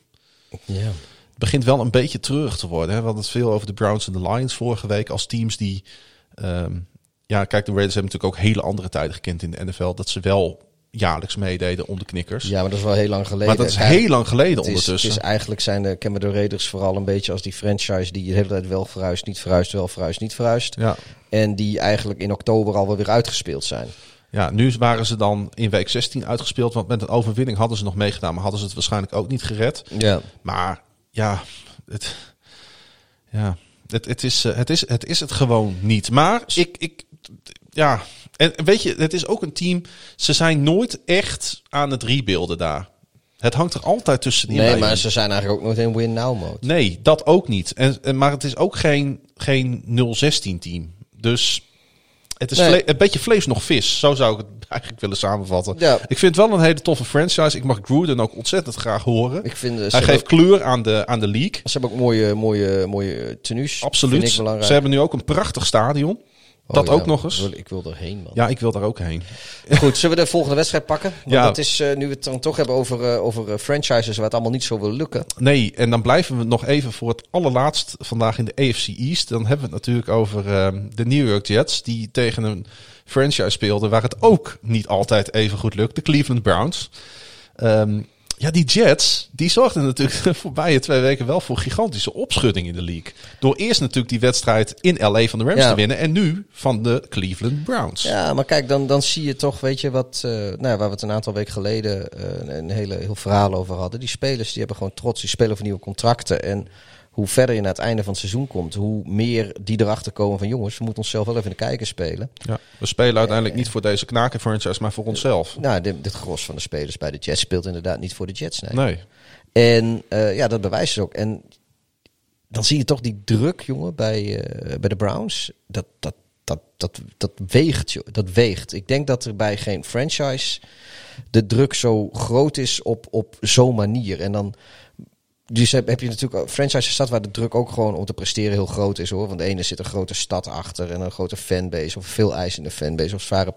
Maar op de een of andere manier, als je dan de kans hebt om met de Browns iets leuks te doen, dat is zo uniek. Dat, eh, ik, ik kan me voorstellen dat daar, een, en dat niet per se voor Baker Mayfield, maar voor echt alles en iedereen in dat team en in die franchise. eh, eh, dit hele seizoen, dat was al. Dat geeft zo'n. Dat geeft denk ik druk, weet je. We hebben Ja, allemaal- en dan zeker. vooral is van. Don't fuck this up. Just don't fuck this up. En als je het enige is wat je denkt, don't fuck it up, don't fuck it up. Wat don't fuck gebeurt er dan? Precies. En, en ja, weet je, lekker psychologie van de koude grond doe ik hier, maar dat, eh, dat kan ik prima. Nee, ik denk dat dit precies bij de Browns past. En weet je, eh, je zag dat ook helemaal terug in de uitstraling van quarterback Baker Mayfield van de Browns na afloop. Hij eh, beantwoordde in de postgame Zoom call slechts één vraag en liep daarna gedesillusioneerd weg. Hij zei, ik heb mijn team in de steek gelaten. Ik heb drie ballen laten vallen, waarvan Ja. zij er twee recoverden. Waarom kan ik die verdraaide bal niet vasthouden? En hij stond op en hij liep weg. En het klopt natuurlijk wel, want... Ja, nee, maar weet je, hij, hij, ik, wat, ik, wat ik prettig vind, en het, het is natuurlijk ook gewoon waar, maar Ja. wat ik prettig vind van, van Mayfield is, hij steekt de hand in eigen boezem. Hij loopt er niet voor, ja, hij liep uiteindelijk wel weg bij die persconferentie, maar dat mag, weet je. Het is een mens, hij is teleurgesteld. Ja. Eh, hij heeft eerst, heeft, is hij daarvoor eh, de ganse natie, is die in die Zoom-call, heeft hij eh, de hand in eigen boezem gestoken. En eh, dus in die zin liep hij er niet voor weg. En daarna had hij zoiets van, jongens, maar ik ben ook gewoon teleurgesteld. Dus eh, het, is, het is wel goed met je Nou vragen. zat- En dat, dat, ik, ik, ik kan hiermee leven. Het vierde kwart zat hem natuurlijk ook nog vers in het geheugen. Want die twee Ja. weggegeven ballen, was, was, die waren nog niet zo erg. Wat wel erg was, was natuurlijk die fourth and one situatie. De Browns stonden in de red zone. Ja. En hadden bij 16-23 dus een touchdown nodig om nog gelijk te komen. Mayfield probeerde met een soort halfslachtige quarterback sneak die yard met bal te overbruggen, maar verloor de bal. En toen eh, wist Kareem Hunt, zijn teamgenoot, de bal te recoveren. Ja, maar, dit- er is die- dus een regel. nee, die mag dat niet doen, want Nee. hij heeft hem niet gefumbled. Ja. Tijdens de laatste twee minuten van de wedstrijd mag je dus niet, eh, mag alleen de initiële eigenaar van de bal weer nou, dat is recoveren. zo, zo, sowieso. Als eh, iedereen mag een fumble recoveren Mhm. van het aanvallende team. Maar alleen de speler die hem kwijtraakte, mag hem voorwaarts recoveren. Juist. En eh, dus als, als een teamgenoot van het aanvallende team de bal recovert, dan houdt het aanvallende team de bal. Maar op de plek waar de, fumble, eh, waar de bal verloren werd Ja. door de fumbler. Ja, precies. En eh, op het moment dat eh, degene die fumbelde, dus de fumbler, de bal recovert, maakt het niet uit waar op het veld het is, want daar gaat dat team verder met de bal. Nou, en het was dus nog voor de first down marker. Dus Ja, geen en nieuwe precies, first down voor precies. de Browns. Bal voor de Jets, einde wedstrijd. Ja. De voorbereiding op deze wedstrijd was natuurlijk verre van optimaal. Ook voor de Browns. zonder, zonder receivers, want die zaten natuurlijk, eh, die hadden hun, een COVID-bubbelbad Ja, gehad. en ik zag beelden. Iemand had met een wat blokkerig cameraatje beelden gemaakt van coach Kevin Stefanski. Die een beroep moest doen op diverse spelers uit de practice squad natuurlijk. En hij trainde met deze spelers in de parkeergarage van het hotel waar het team verbleef. Dat dedication. Het is dedication, absoluut. Maar het zegt wat over de voorbereiding van de Browns op deze wedstrijd natuurlijk. Nou ja, dat je nou- de avond voor de wedstrijd in Ja, een parkeergarage nog moet Ja, gaan nou, oefenen met nee. spelers. Nee, maar we hebben toch, we hebben toch de, eh, het een aantal uitzendingen geleden hebben we het erover gehad hoe de practice squad eh, eh, de, de, de tegenstander Hmm. iedere week de tegenstander naspeelt. Ja. Nou, die moeten nu in één keer met z'n allen moeten ze de rollen van hun eigen team leren. En daar moet je wat bij oefenen. Kijk, en als jij tot vrij recent gewoon op je eigen veld oefende en denkt van dit kunnen we gewoon doen zonder. Ja, weet je, dan je hebt geen veld geregeld. Ik, dit, ja, dit, is dit zijn gewoon de riemen die, eh, die ze hadden in, eh, bij, bij Cleveland. En die hebben ze, daar hebben ze mee geroeid. Ja, en ze hebben een beetje pech dat de Jets opeens toch lijken te willen spelen voor of zichzelf of coach Adam Gase. Frank Gore werd overigens de derde speler in de geschiedenis van de NFL die 16.000 running yards wist te verzamelen. Ik herhaal nog een keer, 16.000. De 37-jarige Gore voegt zich daarmee bij Pro Football Hall of Famers Dallas Cowboys legende Emmitt Smith en Chicago Bears legende Walter Payton. Zeker. Hij deed dit met een 4-yard run in het eh, vierde kwart en moest even daarna het veld verlaten met een blessure aan de borstkas. Ja, waarschijnlijk kreeg hij gewoon hartkloppingen dat hij zich in, in het rijtje Smith en Payton mocht, mocht Nou, het is niet het minste rijtje, maar Nee, ik, precies. ik wou dit toch even benoemen. Eén, omdat Gore natuurlijk gewoon een, een krankzinnig goede speler is geweest over al die jaren. En omdat het zou wel eens zo kunnen zijn dat dit zijn allerlaatste wapenfeit is geweest. Ja, en dat, dat hij is- net ja. met een Ja, is toch allerlaatste mooi. Dat is play, dat hij dus over die 16.000 Ja. running yards is gegaan. Ik denk, 16.000 Pieter. Ik, pff, ik Ja. las dit en ik, nou ja, ik, kan, ik kan er gewoon geen voorstelling van maken hoe je dat voor elkaar volgens krijgt. mij zit, eh, als ik het uit mijn hoofd weet, ik heb geen idee, maar ik, of tenminste, ik, ik durf het niet, niet met zekerheid te zeggen. Maar volgens mij is inderdaad Walter Payton ergens tussen de 16 en de 17. En dan met Smith, die zit daar gewoon nog vrij ver boven. Ja, nog, die, hoor. die, die is... Die maar Walt, als, als eh, Gore volgend jaar weer meedoet en hij blijft eh, fit, dan denk ik dat die Walter Payton nog voorbij gaat. Dat zou zomaar kunnen. Ik heb hem, hij speelde vorig jaar nog voor de Bills, hè? Ja, Heb ik hem live in actie gezien. Ik ben er toch wel dankbaar voor dat ik nou, zo'n grootheid live in het echt heb mogen aanschouwen. Wou ik nog even zeggen. ik, eh, ik, ik zou maar zo kunnen dat ik hem ook live heb gezien. Ik, maar dat weet ik niet zeker. Want hij is op een gegeven moment na zijn eh 49ers eh, tijdperk is hij redelijk journeyman geweest. Ja. En ik heb ja, best een aantal teams gezien. Maar ik, ik durf zo niet te zeggen of hij Nou, erbij was. Ik weet in ieder geval zeker dat ik hem vorig jaar heb zien spelen. En ik wou nog even melden dat bij de Browns linebacker Sione Taki-Taki het veld noodgedwongen moest verlaten met een enkel blessure. En hij keerde niet meer terug. Ik had dit natuurlijk nooit gemeld als hij niet de Who's That Man van ergens dit seizoen was. Ja, en hij zat een keer in een NFL, maar dan snel. En toen kregen we allebei eh, de slappe lach. Ja, dat was ook geweldig. Nou, ik vind het gewoon tof, weet je. Ik, ik ben echt super tevreden over dat programma-onderdeel. Omdat ik gewoon, doordat wij week, wekelijks iemand of een coördinator of een trainer of een speler eruit pikken, dan, gaat je, dan ga je die spelers opeens opvallen. Ja, nee, dat is waar. Zoals ehm, onze grote vriend van de Dolphins. Ja, Die, eh, die was eh, vandaag op. als het is dinsdag nu, die was dinsdagochtend. Was hij te gast bij Good Morning Football op NFL Network. hoe heet hij ook weer? Van Ginkel, maar wij mogen van Ginkel Wij zeggen. mogen Van Genkel zeggen, precies. Andrew Van Ginkel. Maar die was dus. en dat zie je dan in één keer weer staan. Dan, dan ja, vind ik leuk. Ehm, zullen we gaan naar eh, de wedstrijd eh, tussen eh, jouw favoriete team en de Giants uit New York. Ja, want de AFC werd natuurlijk aardig. De AFC Playoff Picture werd aardig opgeschud uh, dit, uh, dit weekend door uh, onder andere de overwinning van de Ravens. Vooral natuurlijk de nederlagen van de nederlaag van ja, de Browns. Ja, dat is niet zozeer de overwinning van de Ravens, want iedereen wel Ja, precies. Dat zou, je, zou, zou je, je zou Baltimore natuurlijk wel de grote profiteur van het weekend kunnen noemen. Ja, maar nu vraagt Frank zich af. Want nu hebben de, de, de Ravens het in eigen hand. En Ja. moeten ze afsluiten tegen de Bengals. Denk jij nog wel eens terug aan die oudejaarsavond van eh, 2017 op 2018? Toen, eh, toen de, de Bengals eigenlijk aan, eh, aan alle playoff aspiraties van de Ravens een einde maakten. En ik geloof dat de Bills toen in één keer gingen. Waardoor eh, de Bills Mafia, dat zijn de, de fans van de, van de Bills, in één keer massaal Zeker. aan eh, het goede doel van Andy Dalton gingen doneren. Ja. Ehm, maar was- goed, of jij nog wel eens terugdenkt aan die wedstrijd en ben jij bang voor zo'n Ja. scenario? nu Het zat weer? nog in de voorbeschouwing van Monday Night Football afgelopen nacht. Ehm, nee, ik ben er op zich niet heel erg bang voor. Ik vind wel dat het nu dit jaar weer op zich staat. Met een hele andere Bengals en ook een hele andere Ravens. Eh, dus ik, dat, dat kun je niet met elkaar vergelijken. Maar het is natuurlijk wel een feit, en dat hebben we dit seizoen ook gezien, dat divisiewedstrijden zomaar anders kunnen uitpakken dan gewone wedstrijden. Ehm, ja, het kan. De Bengals hebben twee goede wedstrijden achter elkaar gespeeld. We gaan hierna het over de Bengals hebben. Het kan.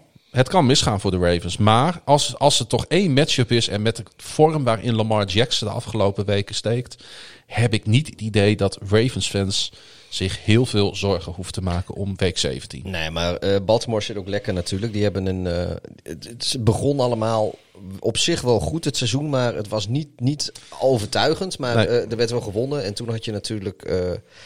ja, Lamar die niet helemaal fit leek. Nee. En toen kwam dan de, De bye week. toen, kwam, toen dip- kwam de bye week die leek op, op de goede moment te komen. Maar Ja. daarna was het ook nog niet denderend. En toen in één keer kwam dat hele COVID-verhaal. Maar, maar ja, ze wonnen tussendoor gelukkig eh, wel af en toe nog eh, hun wedstrijden. En nu in één keer eh, lijken ze op het juiste moment de vorm te vinden. Ja, absoluut. Ehm, het was dus een, zeker een welkome opsteken voor de Ravens, het verlies van de Browns. Ehm, ja, hij steekt gewoon in een prima vorm. De Giants, die ondertussen alweer voor de derde keer op rij verloren, na daarvoor vier overwinningen op rij, weet je nog, hebben nog een minuscule kans op de playoffs. Eerstejaarscoach Joe Judge koos weer voor Daniel Jones als startende quarterback. Ja, maar als die fit is, is dat denk ik ook gewoon wel de beste optie die ze hebben bij de Giants. Eh, McCoy is leuk en aardig, maar ik denk toch echt dat, dat Jones... Ja, weet je, dat, dat, is, helemaal, dat, is een prima quarterback. Ik, ik Ja. denk dat, dat je daar best wel een eind mee kan komen. Denk maar dat ook- is gewoon zo'n quarterback, die moet je voorzien van wapens en, en, en een ola. Maar weet je, we kunnen, ja, het is makkelijk om, om lelijk te doen over Daniel Jones, omdat hij gewoon in een, in een team met niet heel veel talent ehm, ehm, van alles moet laten zien. En dan valt alles, en zodra de dingen fout gaan, is hij de eerste op wie de camera's gericht zijn. Mhm. Maar er zijn eigenlijk maar heel weinig quarterbacks in de NFL die überhaupt op eigen kracht het team kunnen dragen. En wat ik zeg, zo'n Josh Allen in Buffalo, of een Tannehill in, in, in, in, in, Tennessee, of in, in Tennessee bij de, bij de Titans. Ja, die, die presteren ook alleen maar zo omdat de wapens eromheen eh, goed zijn. Die dragen echt zelf die, die franchises niet hoor. Dat, dat zijn Nee. de Mahomes en de Rodgerson en de, en de eh, eh, Wilsons. Hmm. Breeze deed het. Ik denk dat Breeze ondertussen ook meer en meer afhankelijk is van wat je er om hem heen neerzet. Want die kan het zelf echt niet meer. Maar het is geen schande. Nee, nee, nee, nee. nee. Maar, en, en zeker met Mahomes, die je zeg maar als een duveltje uit een doosje eigenlijk uit die draft kwam. En, eh, en, en gewoon eigenlijk direct, ja oké, heeft de eerste 15 wedstrijden heeft hij niet gespeeld. 16e wedstrijd mocht hij spelen. En toen in één keer zijn tweede seizoen eh, startte die vanaf het begin. Die heeft direct een hele hoge, hele hoge lat gelegd. Maar die heeft denk ik ook een beetje eh, de verwachtingen eh, vertroebeld wat, wat, wat realistisch is. Mensen die, die zowel fans eh, van, van welk team dan ook, die, die verwachten denk ik te veel van quarterbacks. eh, en, en ja, dat gaat zo'n Daniel Jones bijvoorbeeld, die heeft daar dan last van. Ja, misschien zijn ook de Ravens dan net even iets te goed natuurlijk om, eh, om het te doen. De, hoewel de Giants natuurlijk een paar weken geleden wel wonnen bij de Seattle Seahawks. Ja, Dus natuurlijk het kan, zomaar keer, ja. gebeuren, maar- Maar de Seahawks hebben natuurlijk ook... eh, ja, die, Die hebben ook even een, die hebben af en toe ook even wat dipjes gehad natuurlijk dit seizoen. Ehm, Lamar speelde, ja, ik zou bijna willen zeggen rustig. Dat viel mij echt op deze wedstrijd. Solide. 183 yards. Twee touchdowns. Geen intercepties. Hij rende voor 80 yards. En daarmee is hij nog altijd belangrijk onderdeel van een rushing attack. Dat voor de 38ste wedstrijd op rij meer dan 100 yards over de grond uh, noteerde. Ja, dat, uh, dat, dat zit wel snor. Begint wel een signature uh, te worden. Ja, dat zit er wel snor. Die, dat is wel prettig. Weet je, de, de Ravens hebben aanvallend hebben die gewoon een, een identiteit. Ja. En daar kan iedereen op terugvallen. Het is ook wel ook als zo'n RG3 bijvoorbeeld, als die moet invallen, dat maakt allemaal niet uit. Want hij weet gewoon wat... Uh, wat... Of de derde quarterback, McSordy, die heeft ook benen. Ja. ja. De Giants, die maakten trouwens de reis naar Baltimore en terug uh, naar de Big Apple per trein. Vind je mooi, vond, hè? Nou, dat vind ik altijd tof. Ik vind het tof als, teams met de trein gaan. Ik ben ook wel eens van Baltimore naar New York gegaan met de trein. Ja, Alleen ik, ik stapte uit bij Newark. Ja, ik ben zelfs een paar keer heen en weer geweest tussen die twee steden.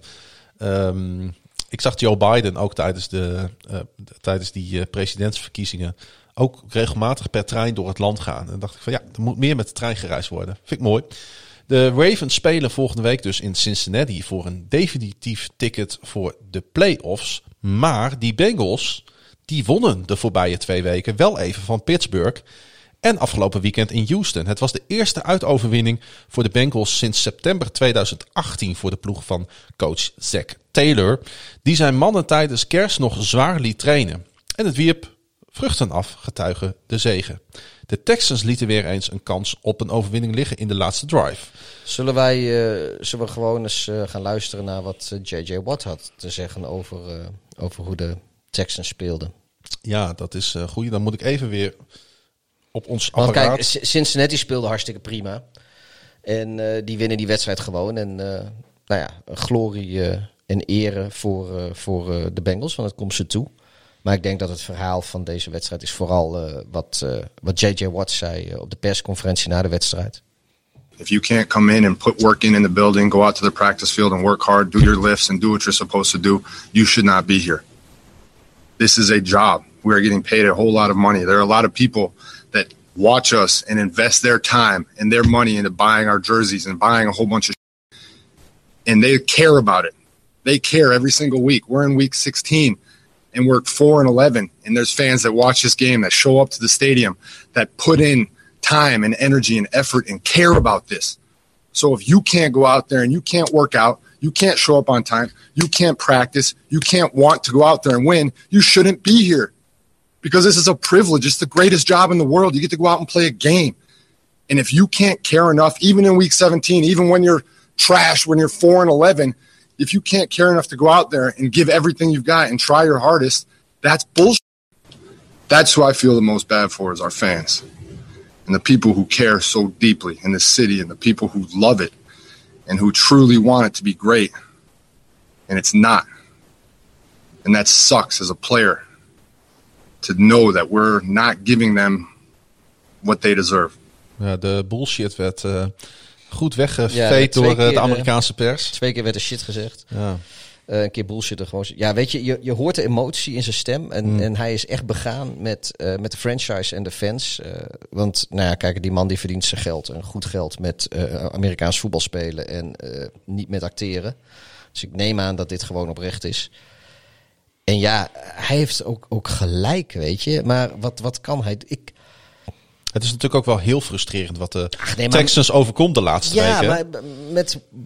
Ja, je, ze, hebben, ze hebben dan nog die, uh, god heet die receiver? Uh, Will Fuller, de, de ja. fourth of zo. Mm -hmm. De fifth of de, nou, in ieder geval met een nummertje erbij. Die, dat, dat is op zich nog wel een, een, een, een goede speler. En verder, ja, Watson en, en Watt. En, en die, die zitten daar. En tegen vooral voor J.J. Watt geldt natuurlijk. Tegen de tijd dat, dat de, de Texans weer relevant kunnen worden. Ja, dan, dan is, is, is zijn tijd wel geweest. En Brandon dat, Cooks hebben ze hè, nog. Of niet? Ja, ja. Nee, maar ik, je hebt gelijk. Um, um, kijk, ik vind het eigenlijk ook wel een mooi betoog. Want hij heeft dus het idee, hij valt hiermee dus zijn teamgenoten af. Omdat hij gewoon die status heeft. Hij kan dat doen. Door te zeggen van die mensen kopen shirtjes van ons. Die komen naar het stadion. Die liggen wakker van. Uh, nou, er van... zijn denk ik met twee spelers nog wat shirtjes van verkocht. Nou ja, oké, okay, dat is waar. Maar ze de, ook daar liggen de mensen wakker van nederlagen. Ja, en wakker ja, van overwinningen. Ja. Ook daar wordt gesmacht naar succes. Want de Texans staan nou niet echt bekend natuurlijk als een competitief team in de playoffs. Nee, maar op de een of andere manier hebben de Texans wel een beetje de naam van een uh, van, van, van toch een, een capabel team. Maar Ja. als je dan kijkt dat uh, ze bestaan nog niet zo lang. Ik geloof, ik, ik weet niet, een jaar of twintig of zo. Iets minder. Maar uh, hun franchise record, zeg maar, win-loss record en zo, weet je dat qua procenten. Ja, 2002 hè. Dat, uh, dat verschilt niet zoveel van uh, de Jacksonville Jaguars, die Nee. volgens mij een jaartje of tien ouder zijn dan, iets minder, denk ik. Maar uh, die hebben gewoon een, volgens mij sowieso een, een, een, een Super Bowl deelname. De, de, de Jaguars, die hebben volgens mij een keer de Super Bowl verloren van, Ja. van de Patriots, als ik me niet vergis. Um, maar de, de Jaguars hebben de naam een beetje een slechte franchise te zijn. Een, een, een perpetual loser, om het zo maar te noemen. En de Texans hebben die naam niet. Terwijl als je de statistieken bekijkt... Uh, uh, totdat J.J. Watt er kwam, stelde het, stelde, de, het stelde het in, in Houston allemaal ook niet zoveel voor. Ja, dat is waar. Nee, als ik, als ik een beetje nadenk welke quarterbacks daar zo de revue zijn gepasseerd. Uh, hebben we met Sharp hebben ja, ze daar met, gehad, was het ook niet altijd even, even leuk om naar te kijken. Maar um, ik, daarom snap ik ook niet. Dan hebben ze Watson en dat is gewoon uh, een, een, een top 5 quarterback uh, um, over, voor de nou komende tijd. Ik Want, zou bijna willen zeggen, als iemand, een van onze luisteraars, uh, misschien fan is van de Texans. En hij of zij kan aan ons uitleggen wat de toekomstvisie van de Texans is, dan hoor ik het graag, want Ja. ik weet het niet. Nee, dat, dat denk ik ook. Als, als je nou fan bent van de Texans, wa- waar kijk je nou naar uit voor de, voor de komende twee, drie seizoenen? Wat, wat, weet je, voor de korte termijn, wat, wat valt er dan... Wat, wat is er dan voor leuks? Kijk, dat je voor een rebuild gaat, prima. maar dan moet je wel draft picks hebben. Maar dan moet je, dat is één. En twee is, je kunt geen rebuild doen zonder dat je een beetje fundament overhoudt. Dat is onmogelijk. Of dat fundament nou talent is, cap space of wat dan ook, maakt niet uit. Je moet één van die facetten als fundament hebben. Maar zij hebben nul, nada, niets. Ze hebben Nou alleen ja, een de- goede quarterback. ja. en ze hebben Ze een zullen- JJ ze Watt, ja, die al twee technisch. jaar in, met een brace om zijn arm speelt en Ja. ook bijna af is. Dat Cap- is het enige wat ze cap hebben. space zullen ze misschien wel hebben, maar weet je, met in, dat is leuk voor free agency. Maar in free agency haal je Ze hebben geen veel winnaars. dead money hoor. Ja, maar je had, je had ook geen winnaars in free agency. Ja, één, weet je, je kan één of twee grote spelers halen in free agency om Mhm. even een snelle gat te vullen. Maar dat is niet een basis voor een rebuild. Nee. Nou goed, ehm, zullen we verder gaan? Want eh, ik word hier een beetje... beetje... Ja, dat snap ik.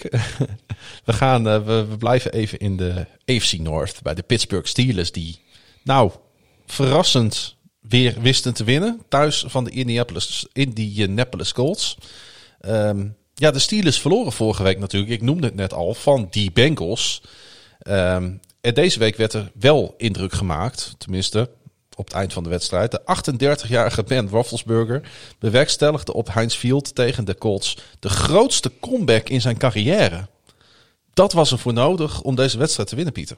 Ja, maar dat zegt vooral, eh, denk ik, wat over hoe, dat, dat, dat Pittsburgh eh sinds Zelden in zo'n situatie komt. Ja, die, die verliezen nooit dik. Nee. Die, die verliezen gewoon niet dik. Dus die, die hoeven geen dikke comebacks te doen, omdat ze nooit dik achter staan. Maar ik zat natuurlijk met eh, veel interesse naar deze wedstrijd te kijken. Dat zul je snappen. Omdat ik natuurlijk deels daar, eh, omdat de Ravens daar afhankelijk van waren. Ja. En ik als supporter van de Ravens. En toen de Steelers op een gegeven moment met eh 17 punten achter stonden. Toen dacht ik, nou, dit gaat hem niet meer worden. Voor de Ravens. En de Colts die eh, hebben hier Ja. hebben, hadden Ja, maar de Colts... een ticket ik- ik- in handen voor ja, de playoffs. Maar die, die hele wedstrijd was weer een microcosmos van hoe het eh, seizoen van de Colts is. Ja. Wisselvallig, weet je. Goede eerste helft. eh, maar ze zetten eigenlijk te weinig punten op het bord. Want ze hadden de Steelers voor rust eigenlijk al op een onoverbrugbare achterstand moeten zetten. Maar Mhm. ja, ze hadden natuurlijk die interceptie in de red zone. Ja. En zaten wel een paar pareltjes bij van Ravens hoor, voor rust. ja, maar eh, weet je, echt goede teams. En, en we komen nu aan het einde van het seizoen. En straks gaan we dus die, die, die play-offs spelen. Eh, dan heb je echt goede teams. En echt goede teams die beslissen dit soort wedstrijden voor de rust. Als je de Steelers Mhm. zeg maar zo hebt. Dus die, ze zijn nog niet geslacht, maar ze liggen zeg maar al wel met een kwetsbare buik boven op de slagbank. Ja, dan moet je ook gewoon die genadeklap uitdelen. En dat deden ze niet. Ja, dan komen ze naar rust gewoon terug. En dat is, ja, weet je, is wel leuk voor de Steelers dat ze dan winnen. En eh Ole Paella. En ik hoop eh, voor, voor iedereen die, die Pittsburgh en de Steelers warm hart toedraagt, dat, eh, dat ze dit mee kunnen nemen. Maar met, met dit soort grappenmakerij hoef je tegen de Bills en de Chiefs echt niet aan te komen. Want uh, uh, het enige wat ze hebben als wapenfeit is een sterke verdediging. Er is nog steeds geen running game. Uh, nee. Ben Roethlisberger is met zijn, zijn, zijn kort en zijn intermediate passes... is hij gewoon niet overtuigend dit seizoen. Of zo het tweede seizoen zelf niet.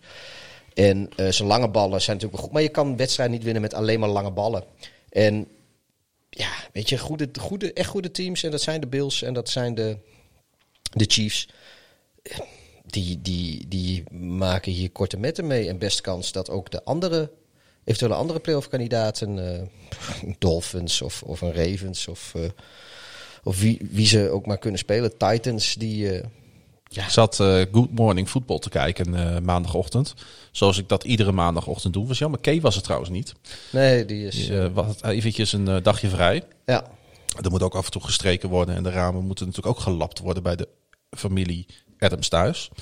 Um, uh, ik zat er naar te kijken en toen vroeg men zich af welk team je als AFC playoff deelnemer het liefst zou tegenkomen. En eigenlijk was unaniem de stemming Pittsburgh. Zelfs na deze overwinning van Pittsburgh. Ja, maar dat, dat is logisch, want ze zijn heel eendimensionaal. Dus je weet eigenlijk al wat ze gaan proberen. Ja, ja dat is waar. Maar goed, het is wel opvallend dat de winnaar van de of, AFC of North... Tomlin die speelt echt voor die chess op een manier die ze weer gaan niet kent. En in één keer in de playoffs dan uh, gooien ze alle registers open en dan komt er een running game. En... Nou, ik kan het me bijna niet ik, voorstellen. Nee, want jij, jij noemde dat heel terecht. De run game van de Steelers bleef namelijk deze wedstrijd op een season low 20 yards steken. Dat kan natuurlijk niet. Ik denk dat er Tom Brady wel eens wedstrijd heeft gehad waarin hij meer yards bij elkaar gequarterback sneakt heeft ja. in één wedstrijd. Nee, goed, weet je, het is gewoon helemaal niks. Hij heeft twee weken om het uh, uit te vogelen, uh, Tomlin. Want ze kunnen sowieso denk ik hun starters nu wel wat rust geven. Want de Steelers die, uh, ja, die zouden daar dus ook voor kunnen kiezen. Ja, maar um, zitten die nou niet uh, gezellig met, uh, met onze vrienden uit Buffalo uh, Zeker, te strijden? te strijden om de nummer twee Maar net, net wilde je Buffalo, die mocht niet hun ja, nee, nee, nee. rusten. En ik, nu zeg je wel... Ik zeg dat het een optie is, oh, meer okay. niet. Nou, ja. Nee, nee, nee. Rustig maar. Ja, nee, ik, ik trek je bijna over de tafel hier. De Colts die moeten nu voorlopig genoegen nemen met de achtste seat in de AFC. Nou, om mij over de tafel te trekken, dan moet je heel je best voor doen. precies daar waar je niet wil staan, net buiten de playoff picture. Outside looking in. Ja, en ik zat even na te denken over die Philip Rivers. Want hij stond natuurlijk nooit uh, bekend als een mobiele quarterback. En dat is op zich oké. Soms moet je namelijk gewoon doen alsof. Want dat vond ik wel een heel tof moment tijdens die wedstrijd. Uh, er was op een gegeven moment bij zijn eerste touchdown pass kwamen de Steelers met een blitz op de middel. Waarop Rivers uitweek naar links. Weer een paar stappen vooruit deed, de pocket in. Uh, ruimte creëerde. En een Lamar Jackson bijvoorbeeld, die was daar gaan rennen. Maar ja. hij vond uh, receiver Zach Pascal uh, voor een 42 jaar touchdown pass. En die touchdown pass, die was dan weer de 420ste van Rivers carrière. Waarmee hij nu op gelijke hoogte staat met Dan Marino. En gedeeld vijfde op de NFL's all-time touchdown list. Weet je, wat, uh, weet je wat Philip Rivers ook deelt met Dan Marino? Nul Super Bowls. Terugkomende gimmick in deze nu al legendarische podcast. Maar ik vind dat wel tof hoe Rivers dat af en toe doet. Want hij kan absoluut niet rennen. Maar dat doet hij alsof. En dan zie je de tegenstander heel even schrikken. Ja, en dat, eigenlijk, snap, dat snap ik gewoon echt niet. En, ik bedoel, hij maakt van die seconde gebruik dan om die verre, diepe ballen precies aan te laten komen Ja. waar ze aan moeten komen. ik snap niet dat hij erin trapt. Nee, maar, het, ja, maar hij doet het al jaren. En het is, ik vind het een genot om naar te kijken. Het is, wel een van, het is, het is een van mijn favoriete uh, knuffel quarterbacks in de NFL. Oké. Okay. Ja, ik ben fan van hem. Ik ben niet fan van de Colts, maar ik ben wel fan van Philip Rivers. Nou, ik denk dat uh, Philip Rivers volgend jaar een ander team heeft. En uh, als hij er volgend jaar nog bij is. Ja. Hey, hoe de seeding dus precies gaat uitpakken in de AFC, dat is na komende zondag pas duidelijk. Wat wel duidelijk is in die AFC, is dat de Kansas City Chiefs de eerste seed pakken. Erg makkelijk kwam dat afgelopen zondag niet tot stand nadat quarterback Patrick ja, Mahomes... Wordt ook een, een, een vast terugkerend liedje de laatste weken. Ja. Uh, ja, het was weer, weer stroef. Ze passen zich... Uh, weet je, ze, ze, ze zakken met, met liefde terug naar het niveau van hun tegenstander en, uh, en winnen dan alsnog. Ja, want hij gooide natuurlijk die touchdown pass op de Marcus Robinson. En toen miste die Jong Ho Ko, Ko Jong Ho Ko. Ja, die kikker van, die uh, van de Falcons. Die miste de, eer, zijn eerste field goal van het seizoen. 39 yards was dus wel te doen. En net terwijl hij net een paar dagen daarvoor een uitnodiging had ontvangen voor de Pro Bowl. Nou, Ja. Dat is wel een beetje jammer hè, voor die jongen. Ja, maar goed. eh, denk je nou echt dat... Ja, ik, ik, weet je, dit is gewoon weer hetzelfde liedje. Ik denk niet dat, eh, dat de Falcons hier een serieuze kans gehad hebben. Nou ja, eh, het was gewoon overtime geworden als die field goal erin was gegaan. Ja, en dan, ja, en dan hebben de, hadden de, de Chiefs alsnog gewoon gewonnen. Nou, dat is waar. Nou ja, goed, de Falcons hebben in ieder geval, laat ik het zo zeggen, die hebben het idee gehad, of het nou misplaatst was of niet, dat ze een kans maakten. Ja, en, en misschien was dat ook wel zo. hoor. Weet je, ik, het is natuurlijk ook wel heel makkelijk om. Het was, om natuurlijk voor, het was voor de Chiefs nou ook geen drama geweest als ze deze verloren hadden. Nee. Dan hadden ze nog een wedstrijd voorsprong op de rest gehad. Maar ik heb nog steeds zoiets van, joh, laat die Chiefs lekker aanmodderen. Je verslaat ze toch niet. Het zou best kunnen. Het was wel de zevende keer op rij dat Kansas City een one-possession game over de streep trok. Dat zegt wel wat over waar we hebben naar zitten kijken de afgelopen zeven weken. Ja. Travis Kelsey, Kelsey, die noteerde zeven catches voor 98 yards en de score, waarmee zijn totaal voor dit seizoen op 1426 yards uitkwam. En daarmee verbrak hij weer het tight end record van George Kittle, die dat natuurlijk vorig jaar neerzette. Ja. Is voor hem eh, wel een milestone, deze wedstrijd. En de Falcons, ja, die maakten het dus spannender dan voorheen ingeschat. Ehm, ze deden er alles aan. Ik heb wel genoten hoor, van de Falcons. Ridley, ehm, over goede receivers gesproken die bij misschien wel een verkeerd team spelen. Calvin Ridley, vijf catches voor 130 yards. Voormalig Ravens tight end Hayden Hurst, ook weer geweldig. Ik mis hem wat dat betreft echt in Baltimore. Ehm, ja, ehm, het is leuk om naar de Falcons te kijken. Het hele jaar eigenlijk al. Alleen ze hebben er helemaal niets aan. Eh, grote afwezige bij de Chiefs. Eh, Clyde Edward Hilaire. Ja. Gaan we hem nog terugzien eh, in de playoffs? Is natuurlijk de grote vraag. Er is weinig over bekend. Het zag er niet goed Nou ja, uit de, toen. de Chiefs hebben een eerste ronde bye, dus die scheelt Ja, al. Dus de divisional round is de eerste ronde, ronde waar hij zich op zal moeten richten. Ja, van dus gewoon de, de, ervan uitgaande dat, eh, dat de Chiefs de divisional round winnen, dan eh, de AFC Championship game. Ja. Ik, eh, ja, ik zie het wel gebeuren. Of dat, hij komt. Laat ik zo zeggen, ik denk dat hij voor het einde van het seizoen, waarmee ik dan de Super Bowl bedoel, weer kan spelen. Dus het is voor hem hopen dat, dat de Chiefs dan nog meedoen. Want zou hij, het, zou hij dat puzzelstukje zijn die ervoor gaan zorgen dat de Chiefs eventueel Nee. echt die grote kans hebben zijn? Of zonder hem zijn de Chiefs dan toch wat gemankeerd? Nee, ik, ik, ik ben er nog steeds niet van overtuigd dat ze echt gehaald. zijn. Kijk, waar je bij, eh, waar je bij bijvoorbeeld de Steelers ziet dat die als die niet goed spelen, dat, dat, dat die ook op een gegeven moment niet beter kunnen. Mhm. En ik heb eigenlijk bij al die zeven wedstrijden die we nu gezien hebben van de, van de Chiefs, die laatste zeven, die ze met één possession verschil winnen. Ik heb nooit het idee gehad dat ze echt niet beter konden. Ik heb altijd het idee gehad dat, ze, dat, dat er gedurende een periode in zo'n wedstrijd die voet gewoon even van het gas afgaat. Ja. Het is aan het eind of, of in het derde kwart. Of, of, of, of. En, en Mahomes die krijgt dan ook alle ruimte om wat slordiger te spelen. Volgens mij proberen ze dan ook. Ik, ik weet het niet. Kijk, ik wil niet zo ver gaan als zeggen dat de, de Chiefs spelen met de rest van de NFL. Mhm. Maar ik denk nog steeds wel dat, dat, dat de Chiefs eh, eh, in de afgelopen weken eh, regelmatig drives hebben gehad dat ze, dat ze wat rustiger aandeden.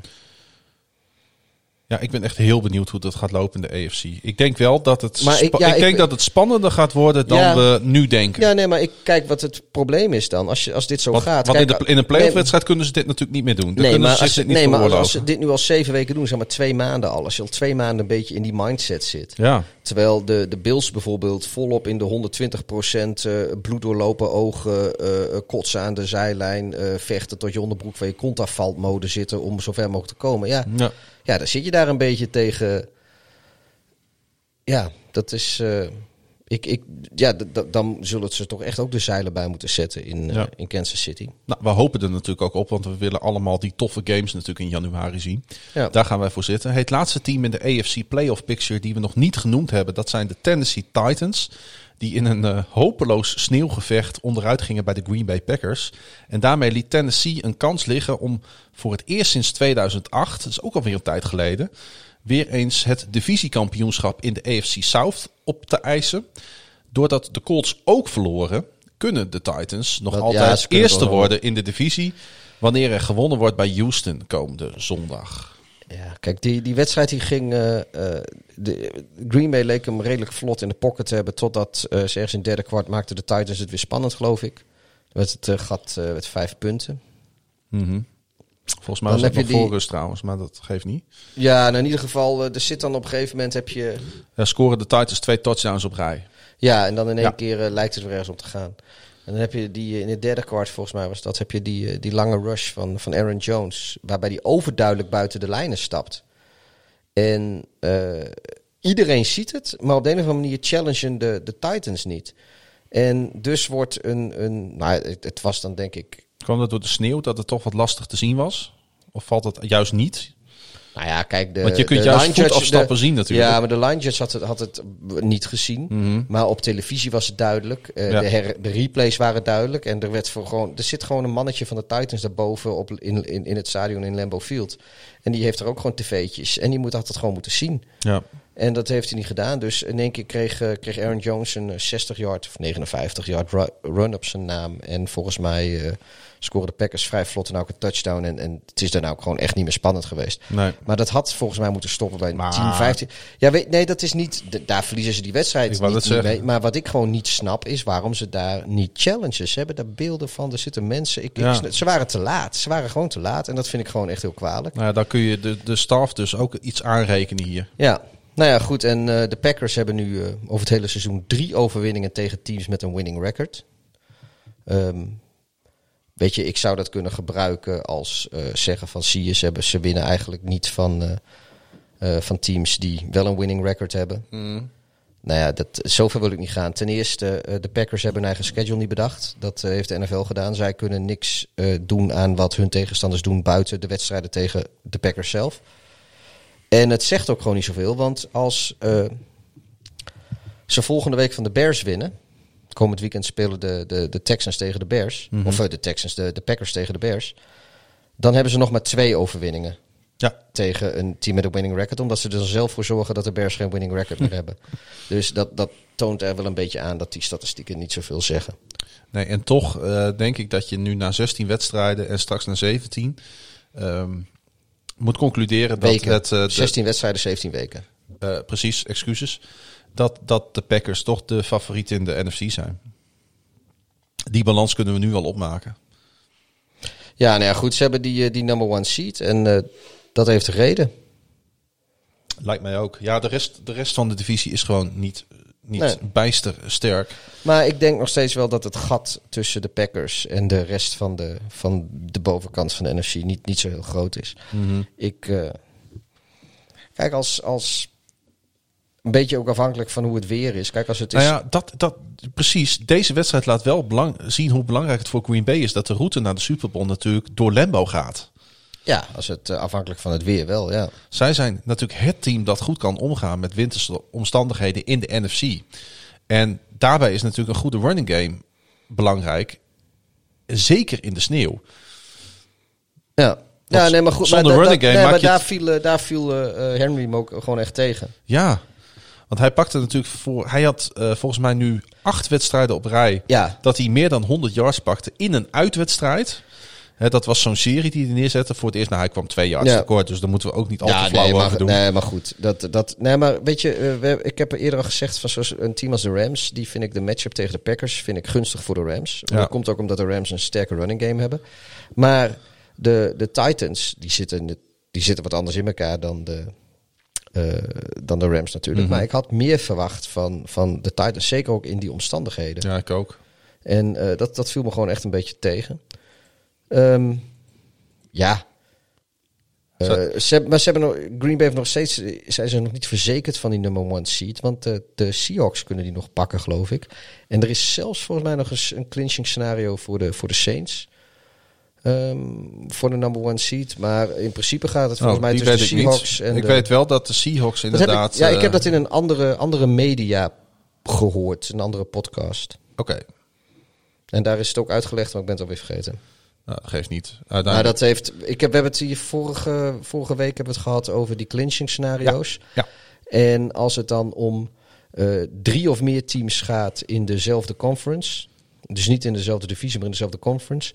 Dan zitten er wat, eh, wat rare dingen bij. Dat heb ik toen ook voorgelezen. En eh, een van die scenario's, dat, dat speelt dan. Ja, ik wou toch nog heel even de naam van Devante Adams wel noemen. Want met zijn drie touchdown catches staat hij nu op 17 in totaal. Hij voert daarmee de NFL aan in touchdown receptions. Ondanks dat hij twee wedstrijden miste met een hamstring blessure. Ja, het is, eh, het is een genot om naar te kijken als voetballiefhebber. De connectie tussen Rodgers en, en, en, eh, en Adams. Ik denk dat het voor de rest van, eh, van de league en met name voor de liefhebbers in de NFC van de NFC... dat het, eh, dat het beangstigend is om af en toe te zien. Ik zie jou ook met angstige blik nu naar mij kijken.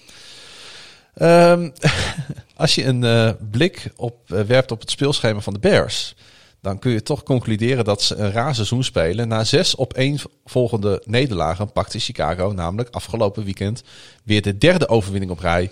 En staan ze, ik noem het toch maar zo, op het randje van de NFC playoffs. Want ze kunnen er ook zomaar nog weer uitvallen. Ja, ze, ze wonnen vijf van de eerste zes. Dan verliezen ze zes van de volgende zes. En het is nu zaak om... eh, ze hebben drie van de, van de laatste vier gewonnen. En het zou dus vier kunnen worden. Ja. Eh, maar het is... eh, ja, er zit... De, ik heb helemaal geen zin om er uitgebreid op in te gaan. Want eh, dan, dan zitten we hier morgen nog bij het krieken van de dag. Want het heeft natuurlijk allerhande redenen. Maar ja, ze hebben een vallig seizoen. Ze hebben een paar dingen geprobeerd die, die niet zo gelukkig uitpakten.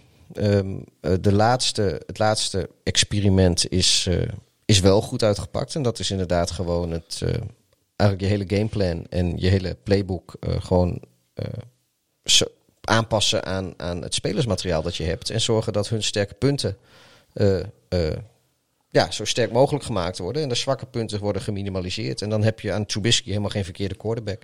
En dan heb je aan Jimmy Graham ook helemaal geen verkeerde tight end. Jimmy Graham, ja. Nee, dat was... eh, Vind ik twee balletjes in de endzone hè, voor eh 12 punten. ja, Ja, daar heb je een tight end voor, van zijn statuur, heeft lijkt vroeger, mij. heeft vroeger gebasketbald, hè? Eh jazeker. Dat eh, hoor je iedere wedstrijd, eh, zeggen de commentaren dat zes of zeven keer. Mhm. Nee, ja. ehm, ja, weet je, wat, wat, wat, wat kun je ervan zeggen? Ehm, Nou ja, ik dacht toen ik een beetje naar deze wedstrijd zat te kijken. Voor de Bears was dit typisch een wedstrijd belangrijk op de korte termijn. En voor de Jaguars op de lange termijn. Dus Ja. de, de, er waren zeg maar tegengestelde belangen, maar ook weer niet. nou, ze hadden eigenlijk allebei precies hetzelfde belang. Juist, alleen dan met een heel ander, eh, eh, eh, ja, hoe moet je dat zeggen? Een heel ander uitgangspunt. Jacksonville mag namelijk volgend jaar tijdens de NFL Draft nu officieel als eerste kiezen. Dat is voor het eerst in de geschiedenis van de franchise. De Jaguars noteerden een franchise record met hun veertiende nederlaag op rij. Maar hello, Trevor Lawrence. Ja, weet je, ehm, Trevor Lawrence naar Jacksonville. Kijk, ze zijn in Florida zijn ze wel een beetje mooi weer gewend. Maar eh, de toekomst ziet er voor de Jaguars ook gewoon echt zonnig uit. Want eh, als ze straks Lawrence, eh, ik, ik, zo, ik ga ervan uit dat ze die draw, als ze, als ze die niet pakken met de nummer 1 pick, weet je, stop dan maar gewoon. Eens. Dus die, die pakken ze. Dan hebben ze een misschien wel elite quarterback, maar in ieder geval een hele goede quarterback. wat de verwachting is. Ze hebben een, eh, eh, met die Robinson een geweldige running back op een, eh, op een Mhm. hele goedkope eh, eh, rookie contract. Ja, Ze hebben best goede receivers. zeker. Ze hebben een, een solide O-line. De verdediging is helemaal niet verkeerd. Ze hebben straks twee eerste ronde picks en twee tweede ronde picks. Ze kunnen op zoek gaan naar een coach die goed bij ze past. Ja, en nu is Urban Meyer heeft eh, eh, interesse getoond. Dat is natuurlijk een van de, van de, van de hottest eh, college coaches. Maar die, Ja. wil, die, die, die schijnt alleen maar te willen gaan coachen waar Trevor Lawrence te- terecht gaat komen. Die wil Trevor Lawrence coachen. Nou ja, 1 plus 1 is 2 lijkt mij. Ja, en ze hebben cap space. eh, Te over. Ja, weet je, die, die, die, die, die jacuzzi's in dat stadion, die kunnen ze eigenlijk wel volle, vullen met dollarbiljetten of zo'n beetje.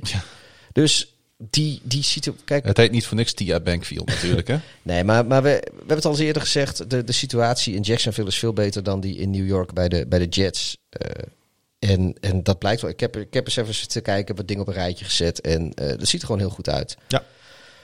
En ja, weet je, ehm, er zijn nog iets wat me opviel die wedstrijd nog. ehm, toen de Bears tegen de Vikings speelden, hebben we het even gehad over die clock operator en hoe belangrijk Ja. die was. Dat, er- dat daar een backup clock operator op zat. Ja, Ja. nou, nu eh, was de, de two-minute warning eh, aan de gang, vlak voor rust. En eh, toen de Trubisky had de bal, die moest gesnapt worden. En Trubisky weigert de bal te snappen. Want in plaats van dat hij die bal snapt, gaat hij eens naar die scheidsrechter toe. Die zegt van, joh vriend, moest even kijken. 40 seconden op die klok. 45 seconden op die klok. Waar zitten we nou eigenlijk? Ja, en terecht. Die, eh, nou ja, goed, eerst was een beetje. Ik had echt zoiets, wat doet hij nou? Maar hij had gewoon zoiets van: jongens, regel dit eens. Dus, eh, nou ja, toen eh, de, de refs werden erop gewezen.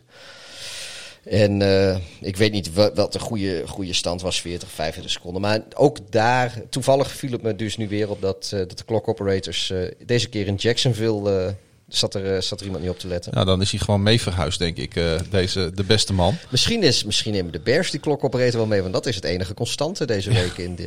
Dat is wel... hey, er viel mij nog wat op aan deze wedstrijd. Dat was namelijk het massale juichen. In, Ja. eh, in het stadion bij iedere score van de Bears. Dat was enerzijds te danken aan de vele Bears-fans in Jacksonville. En anderzijds aan de Jaguars-fans. Die dus de komst van Lawrence wel zien zitten. En dit, dit is niet. Ik overdrijf dit niet, want volgens mij was dit echt zo. Nou, er, was wel, eh, er was ergens inderdaad wat op Twitter. Was er op een gegeven moment iemand die zei van, joh, eh, de, de Jacksonville fans die juichen gewoon voor Bears touchdowns. Eh, maar toen, er werd ook al vrij snel op gereageerd van, met, door, door Bears fans. eh sommigen die ook gewoon bij de wedstrijd waren met foto's. En ja, 70, 80 procent van het stadion was ook gewoon Bears Ja, fans. het was echt niet normaal. Wat de, Dit, dit, wa- dit was ook hoe vaak de, hebben Bears-fans de mogelijkheid gehad dit jaar om bij een wedstrijd te zijn? Nee, niet veel. Eh, voor, Nee. eh, Tennessee waren ze, waren, er waren er ook wel een aantal. Bij de Titans uit mochten er een handvol zijn. Maar hier mochten er nog wat meer zijn. En Ja. Ja, ja op, op Lambo zaten 500 mensen. Maar er waren alleen maar Packer-fans. Want het was Ja, familie van was familie. familie. of zo. Eh, Dat was een proef. Ik denk dat het daarmee wel ophoudt. En ik denk dat het dat zo'n beetje wel geweest is inderdaad voor, eh, voor onze vrienden uit Chicago. Oh, misschien eh, eh, bij Tom Brady eh, op bezoek. eh. Ja. Oh nee, nee, die was op Soldier Die Field. was op Soldier Field. Het is natuurlijk eigenlijk wel te idioot voor woorden dat er, mogen, dat, dat er dus dan eindelijk een wedstrijd is waar je bij mag zijn. Je kunt ook nog voor, eh, voor, voor 50 dollar een, een Ja, kaart want we kopen. hebben, we hebben nog even gekeken. Wij hebben even naar de prijzen Ja, gekeken. we konden geen ticket vinden. Maar geen vliegticket. En dan, mag je, en dan ga je dus als Chicago Bears fan, nou, nou wonen die overal in het land. Maar ik ga ervan uit dat ook een, een, een behoorlijk wat aantal gewoon uit Illinois is komen vliegen. Het hele land doorvliegen, terwijl je niet naar je eigen stadion mag. Ja, dat schiet natuurlijk alle COVID-logica voorbij dit. Ja. Het Nou, slaat natuurlijk helemaal nergens op. Nee, maar het, eh, ja, het is wel gebeurd. Ja. En ja, wat, wat eh, moet je nog mee? Nou, de Bears hebben nu vier wedstrijden op rij minimaal 30 punten gescoord. En dat was voor het eerst sinds 65. 1965. Ja, Dat vond ik wel echt een opvallende stat. Wat, eh, de Bears scoren niet zoveel. Bears zijn een verdedigende nee, franchise. nee oké, dat, dat weten we inderdaad. Maar goed, dit is... Dat, nou, laat ik zo zeggen, het werd weer de hoogste tijd Nou natuurlijk. ja, ehm, eh, met de quarterback rating, zeg maar, de, de, wat de, het, het, de presteren van, eh, van Trubisky deze wedstrijd, heeft hij zijn gemiddelde heeft hij wat opgeschaald naar, ik geloof, één decimaal punt onder eh, het season eh, record voor een quarterback van de Bears met minimaal 10 starts in een seizoen. Dus daar zit hij ook heel dichtbij. Dat kan hij met een goede prestatie tegen Green Bay, zou hij daar overheen kunnen gaan. Mhm. En dat, dat weet je wel wie zijn record dat is? Nou, Van Mitchell Trubisky uit 2018. ja. Ik bedoel, ja, weet je, als, als de, de beste quarterbacks statistisch gezien in jouw franchise-geschiedenis, die eh, nu in je 101ste seizoen zit, als dat Mitchell Trubisky en Jay Cutler zijn, met alle respect voor allebei. Dat toont wel aan wat voor. Ja, je had Sid Luckman in de jaren 40.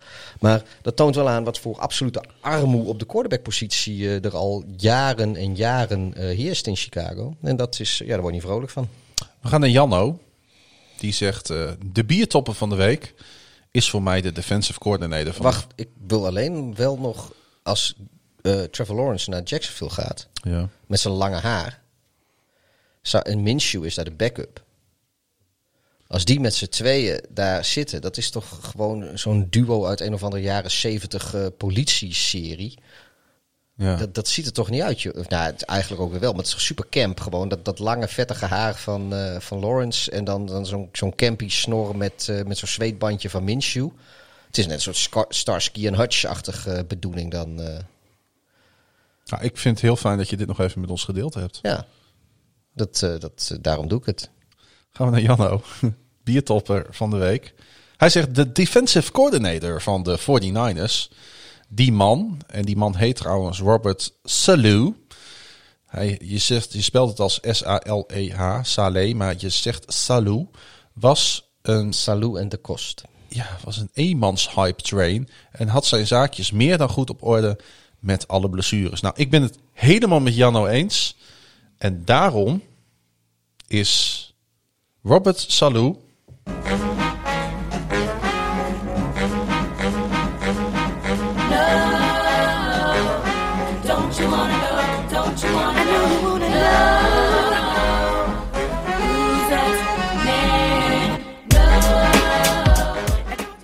Who's That Man van deze week. Dus niet de biertopper, want ik, de, we hebben een andere biertopper. Maar ik dacht, laten we deze man dan in het zonnetje zetten... door hem de Who's That Man van deze week te maken. Salou. Hij werd door eh, Sporting News vorig jaar uitgeroepen tot coördinator van het jaar. En zette toen geweldige cijfers neer. Zijn defensie was onder andere tweede in total yards toegestaan per game. Eerste in passing yards toegestaan. En zo kan ik nog even doorgaan. Maar goed, de 49ers hadden natuurlijk vorig jaar een geweldig seizoen. Dat, eh, dat weten we allemaal nog. Het is wel waar trouwens dat eh, de 49ers speelden op defense. Ondanks een, een, een leger aan spelers wat ze misten. Een geweldige wedstrijd tegen de Cardinals. Ja. Eh, even terug naar de Who's That Man. Robert Salou. De beste man werd geboren in Dearborn. Dus, eh, Michigan. Michi- Michigan, ja. En is dus uiteraard moslim, aangezien, aangezien Dearborn de relatief grootste populatie moslims heeft in de Verenigde Staten. Ja, sowieso. De, de, de Detroit en de voorsteden, dat is een, een, een islamitisch eh, Ja. bolwerk in, eh, in de Verenigde Staten. En daarbij is Dearborn dus ja, het, het, het grootste bolwerk. Ehm, zijn ouders zijn Libanees. En Dearborn is natuurlijk ook de geboorteplaats van Henry, Ford. Ford. Is nog steeds de belangrijkste werkgever in de, in de stad. Wat dus ook niet ver van Detroit ligt. Ehm, ja, wat. wat eh, ik heb, dit, dit- die man heeft niet een heel bijzonder leven of zo. Maar eh, hij heeft een degree in finance. En hij was trouwens op college een niet onverdienstelijke tight end. Hij studeerde in 2002 af en begon opmerkelijk genoeg onmiddellijk met zijn coachingcarrière. Vier jaar lang was hij defensive assistant bij Michigan State University, Central Michigan University en de University of Georgia. In 2005 liep hij een stage bij de Houston Texans en mede dankzij een aanbeveling van, en daar is hij, Gary Kubiak, Doe maar. Ook niet de minste trouwens. Nee, die heeft ook eh, heel wat eh, mooie eh, functies mogen vervullen bij diverse teams. Werd hij in 2006 gepromoveerd tot Defensive Quality Coach. Dat bleef hij doen tot 2009, toen hij bij Houston Assistant Linebackers Coach werd. Die job zou hij later ook nog twee jaar vervullen bij de Jacksonville Jaguars. Maar tussendoor was hij twee jaar Defensive Quality Coach bij de Seattle Seahawks, waar hij dan weer onderdeel was van het team dat in 2013 Super Bowl kampioen werd. The Legion of Boom. Zeker. Dus als je daar hebt gezeten tijdens die tijd, dan denk ik dat je, nou, die staat goed op de cv, hè, laten we het zo zeggen. Ja. Hij is sinds eh, februari 2017 defensive coordinator bij de San Francisco 49ers. En hij is eigenlijk niet meer weg te denken uit de coachingstaf daar. En ik dacht, nou, aangezien hij zo'n goede prestatie leeft. En hij zat er inderdaad helemaal in. Want wat, viel mij, wat Janno zegt, dat viel mij ook op. Hij, ehm, hij had zijn zaakjes ontzettend goed op orde. Je zag hem ook als een, als een, als een ja, ik wil- niet zeggen als een idioot, dat is niet het goede woord. Nee, maar, maar- Het, het spatte ervan af. De wil om, ondanks dat de 49ers voor niets meer spelen. Nee, maar ze hebben het... Ze hebben het ja, nee, ik wil helemaal totaal geen afbreuk doen op wat hij heeft gedaan. Sowieso die het- hele coachingstaf in, in San Francisco Ze hebben bij de. Niners heel goed voor elkaar. Als je ziet wat zij dit... eh, met, met al die blessures die ze gehad hebben. En natuurlijk kun je zeggen van... joh, eh, eh, hoe kun je... Want San Francisco heeft vaker veel blessures. Maar wat zij presteren, ondanks die blessures... ja, dat, dat, dat vind ik eh, best indrukwekkend. eh, wat ze structureel op de mat leggen. Precies. Eh, de beste man, Robert Salou, heeft vier zonen, twee dochters, samen met zijn vrouw Sana.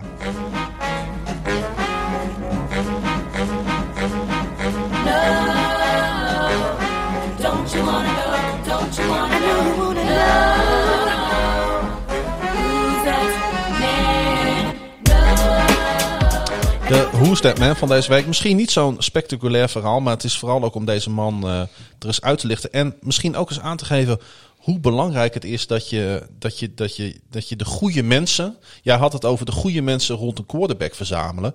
Maar een headcoach, en uh, Shanahan eh, heeft dat schijnbaar ook begrepen. Heeft het dus ook voor elkaar gekregen om daar de goede mensen om zich heen te verzamelen. Kunst op zich. je kan als, Ja. als hoofdcoach niet alles, lang niet alles zelf doen. En een goede staf om je heen eh, eh, samenstellen. Dat is, eh, als je dat als hoofdcoach beheerst, dan, dan ben je al een heel eind op weg om, om een, een goede te worden. De Bears zagen dus eerder in het weekend de Cardinals verliezen van divisiegenoot San Francisco. Daar wil ik trouwens nog wel even bij deze van de gelegenheid gebruik maken voor de San Francisco 49ers te bedanken. Dat dacht ik al. Dankjewel.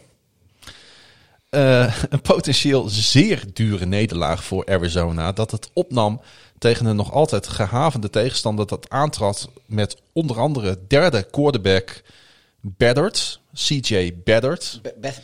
Beathard? Nee, het is CJ Beathard. Het is met een D, harde D. Beathard. Ja, die vast eh, niet... Ja, maar er zit geen D in.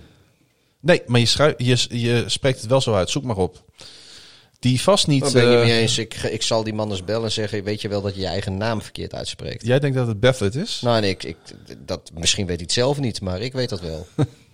We gaan dit... eh, we- we- ik durf hier wel wat op in te oh zetten. nee, ik, nee, maar, nee, maar dat, ik, hij zal zelf wel vinden dat het Beddard is... maar daar heb ik geen, heb ik geen boodschap aan. Jij vindt dat het Beathard is? Ja, en dat zal ik hem vertellen ook als je Ja. hem tegenkomt Maar dat komt ook omdat jij een Beathard bent. Ja, Eh, hij, eh, eh, hij speelde dus om de center bij de 49ers.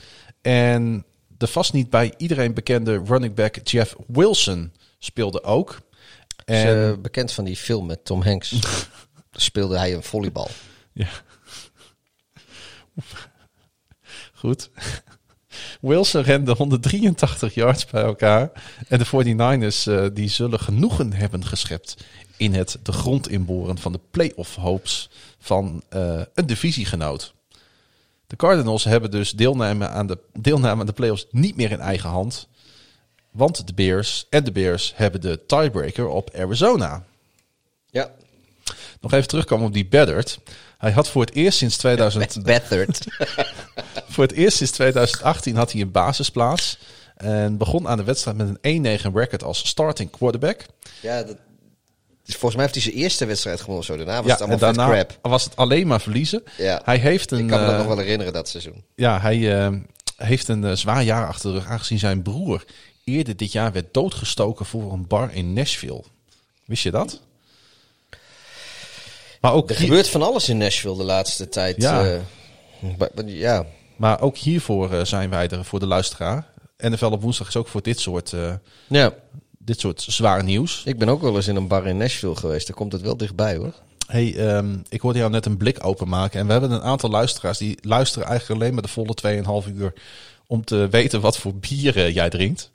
We moeten er denk ik even eerlijk bij vertellen Ja, nee, dat dit heb, eh, eh, geen bier van de biertopper is. Nee, ik eh, wegens logistieke en, en tijdtechnische en feestdagen en, en werkroosters en zo is het allemaal even er niet van gekomen om Mhm. bier van de biertoppen te halen. En ik had nog wat ander bier staan. Dus ik heb nu een, volgens mij is dit een, een Spaanse. Van La Pirata Brewing. Volgens mij komen die uit die toeristenstad van ons, uit Barcelona. Waar we, Weet niet helemaal zeker, maar... Maar zolang wel. er eh, goed bier vandaan komt, eh, ac- accepteren we het. Ja, en... eh, Is het een hazy Dipa? Ja, natuurlijk. Ja, ze komen inderdaad uit Barcelona, Sturia. Eh, het heet Iron Sky. Het is een hazy double IPA. En nou, we gaan eens even kijken, want ik heb nog niet geproefd. Op de schaal van 1 tot 5. Nou, dit is toch zeker wel een eh 3,75. Kijk. Hij is lekker hoor. Kijk, dan heb je de, deze 6 euro weer goed besteed. Ja, zoiets zal toch. Dat zijn eh, niet de goedkoopste biertjes natuurlijk, die, het eh, zijn die ook geen kleine Dipa's uit. Spanje. Het zijn ook geen kleine blikjes. Eh, nog even terug naar in dit geval de Cardinals. Want die ja, quarterback Kyler Murray deed er natuurlijk alles aan om punten op het bord te toveren. En gooide ook wel een acceptabele 247 yards bijeen. Maar hij wist geen enkele touchdown paas te gooien. Wel één interceptie in het vierde kwart. Cardinals receiver Larry Fitzgerald ving zes ballen voor 28 yards en heeft daarmee nu in 17 opeenvolgende seizoenen minimaal 50 passes gevangen. Ja, ja alleen zo'n, kijk, zo'n Larry Fitzgerald gun je eigenlijk eh, de stiekem de playoffs wel. Mhm, Zeker. Niet, eh, niet ten koste van Chicago. Dus ik ben bang dat, eh, dat ik toch. ja, dat het pech wordt voor Fitzgerald, wat mij betreft. Hij zal in ieder geval de geschiedenis in- ingaan als een van de allergrootste spelers voor de Cardinals ooit. Nou, sowieso als een van de, van de grootste receivers ooit. Ik bedoel, Ja.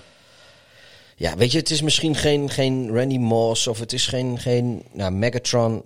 Met alle respect, weet je, die was dominant maar- speelde, maar die heeft maar, maar ook eigenlijk lees niet zoveel gezien. ik lees maar, het net voor Fitzgerald is, ja, kom op man. 17 seizoenen Ja, op rij. precies, precies. Kijk, ik denk dat Mist nooit een wedstrijd. Nee, joh. Ik- ik- Wat mij betreft is, is Fitzgerald een van de, van de allergrootste receivers. Ja, ooit. ik ben het met je eens. En, eh, Zou ik raar zijn als ik het hier op niet met je eens was. nee, en dan, en dan vind ik- vind ik dat een beetje een stukje karakter speelt dan ook gewoon mee. En, en dat nooit verzaken. En dat Ja. Ook niet ring chasen. Gewoon een, een, een trouw aan, aan waar het- Ik bedoel, laten we nou niet doen alsof Fitzgerald... Fitzgerald had heus, die, had, die heeft gedurende zijn carrière echt wel een keer kunnen zeggen van... joh, ik, eh, ik ben eigenlijk wel uitge, uitge Arizona's En eh, had hij met de vingers kunnen knippen en dan had hij zo kunnen ring... Ik, ik weet zeker dat Bill Belichick eh, had, had hem met liefde... Ja, maar wat dacht je van de teams in zijn divisie? Die die, die, die goed kent. Ja, ja, ja. Denk je niet dat de nee, CEO maar- zo maar de 49ers geld voor hem over hadden Nee, gehad? maar ik denk dat, dat Fitzgerald wel serieus had kunnen... Die had echt wel kunnen ringchasen. En dat heeft hij gewoon niet gedaan. En Ja. eh, aan de ene kant vind ik het jammer, want ik gun die man wel een ring. Aan de andere kant, eh, ja, weet je, het, het, het is ook wel... Zo'n one-team player is het gewoon. En dan wel eentje die zijn carrière volmaakt bij, eh, bij de team. 17 jaar. Ja. En hij heeft natuurlijk de Super Bowl gespeeld met, met de Cardinals. Maar ja, die verloren ze van jouw grote vrienden uit, uit Pittsburgh. Jup, klopt. Hey, de 49ers, die, het was natuurlijk niet zo raar dat die wonnen. Want volgende week spelen ze weer in Glendale. Wat ondertussen als thuis moet aanvoelen. Dus dan speel je je thuiswedstrijden in Glendale. Omdat je niet in je eigen stadion mag spelen. En dan moet je ook nog uit naar de Cardinals. Ja, maar ik ben, ja, nou is toch lekker. Ja, dat is lekker, precies. Het is, ja, die zit alleen in een andere kleedkamer lijkt me, maar verder... eh, Ja, prima stadion dat je trouwens ook om in te spelen. Die, het eh, stadion van de Cardinals. De Seattle Seahawks komen op bezoek in Glendale. En de Cardinals die reizen naar LA om het op te nemen tegen de Rams. En niet geheel toevallig stonden die twee teams, de Rams en de Seahawks, tegenover elkaar op Lumen Field. Dankzij een 20-9 overwinning hengelde Seattle de NFC West titel binnen. Afgelopen zondag met name door een geweldige verdediging moet het toch even zeggen. En een paar clutch plays van Russell Wilson. ja. Want ehm, ja, we hebben natuurlijk eh, ze behoorlijk. eh, hoe, hoe noem je dat? De, de, de, ja, Nou ja, ik vond de Seahawks in ieder geval de afgelopen weken allerminst overtuigend. En die hebben nu dan weer een hele knappe, goede zegen neergezet. maar de defensie speelt de laatste weken wel zoals we de verdediging Ja. van de Seahawks. Ja, maar de aanval Graag doet zien het dan spelen. niet. De aanval is niet... eh, is, Nee. Ja, kijk, ze, ze, ze doen wat ze moeten doen. En eh, eh, ze winnen. En 20 punten is 20 punten. En dat, dat is allemaal leuk en aardig. Maar Het zat hem inderdaad niet in de aanval. Het was natuurlijk de verdediging die voor een groot deel verantwoordelijk was voor de overwinning. Jared Goff kreeg weinig tijd. De run game van de Rams kwam niet van de grond. En LA werd op een season low in points gehouden. ja, Goff die had weer een paar hersenscheten. En heb ik jou daar. Mhm. Die, eh, die interceptie op eh Quandre Dix. eh, Ja. tweede kwart was dat. ja, waarom gooit hij in vredesnaam die bal? Dat mag, dat mag natuurlijk geen enkele quarterback overkomen. Maar zeker niet de Rams die, die on the line, on the playoff line Nee staan. joh, weet je, het, hij was... Hij was eh, ja, weet je, als, als hij in de pocket had gestaan, dan was daar intentional grounding geweest. eh, maar het is dat het geval. Ja, ik, ik denk dat hij, dat hij Dix echt niet zag staan en dat hij... Nee, dat kan hem ook niet voorstellen. Ja, hij zal Dix niet hebben zien staan, had hij daar niet gegooid. Maar hij kon hem volgens mij gewoon voorbij de line of scrimmage over de zijlijn gooien. Want hij was al buiten de pocket als ik met eh, de play zo voor de ogen, voor de, voor de geestesogen haal. Maar hij gooit hem dan. Het is een beetje het equivalent van, van in het voetbal eh, voor doel langs verdedigen. Weet je, je gooit die bal weer midden terug naar het veld. Maar er was echt werkelijk niemand van de Rams in de buurt. Dus of Maar, maar hij, hij was ook uit de pocket geflushed. Hij, was, hij had de benen genomen. Dus het kan ook niet een scripted play zijn dat hij zoiets heeft van... Nou, zo, bij een bepaalde timing moet op een bepaalde plek een bepaalde eh, eh, receiver zijn. Mhm. Dus ik gooi er gewoon blind heen en dan gok ik erop dat hij er is.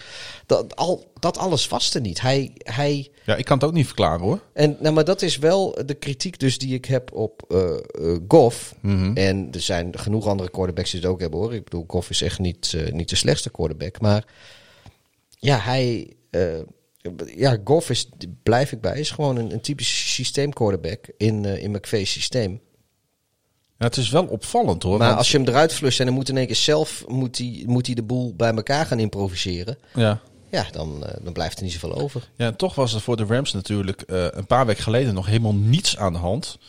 Ehm, en de kans op playoffs is nog steeds groot hoor. Maar ehm, opeens missen ze nu ook Jared Goff. Want ehm, hij onderging afgelopen maandag een operatie aan zijn duim. En zal vervangen worden door backup John Wolford. Ja, maar Murray speelt misschien ook wel niet volgende Dat week. zou hè? inderdaad ook kunnen. Is nog niet helemaal duidelijk. Maar het zou inderdaad een matchup kunnen worden. Waar in week 17 beide startende. En ik zou bijna zeggen franchise quarterbacks dus missen. Stra- Straveler, Stra- Straveler, Stra- Stra- dat is die backup van de Cardinals. Ik zou niet eh, weten hoe die heet, joh. Zo heet hij? Streveler. Oké, nou ik had ook nog nooit gehoord van eh, deze John Wolford. Wolford, die nog nooit in een NFL-wedstrijd te zien was. Dus ook Nee. niet in een preseason game. Wolford was een undrafted toevoeging in 2018 en speelde college Nou ja, voor Wake kunnen- Forest. Ze kunnen Wake Forest. Ik, eh, ik heb ooit eh, Wake Forest. Ja, die, daar doen ze dan ook aan, aan hockey. hey, maar eh, ze hadden, ze kunnen ook altijd Dwayne Haskins even oppikken nu nog. Ja, dat zou kunnen inderdaad. Dat zou kunnen. Maar ze zijn niet met hem bezig. Ik weet dat ze namelijk met een andere quarterback bezig zijn. Is het Joe Flacco? Nee. Eh, de Rams zijn bezig met het binnenhalen van quarterback Blake Bortles. Die zijn dagen nu slijt op de practice squad van de Denver Broncos. Ja, dat is de last, het laatste woord Ja, dat, dat ze daarmee bezig zijn. De Rams. Ja, de Rams. Ik zie dat wel gebeuren.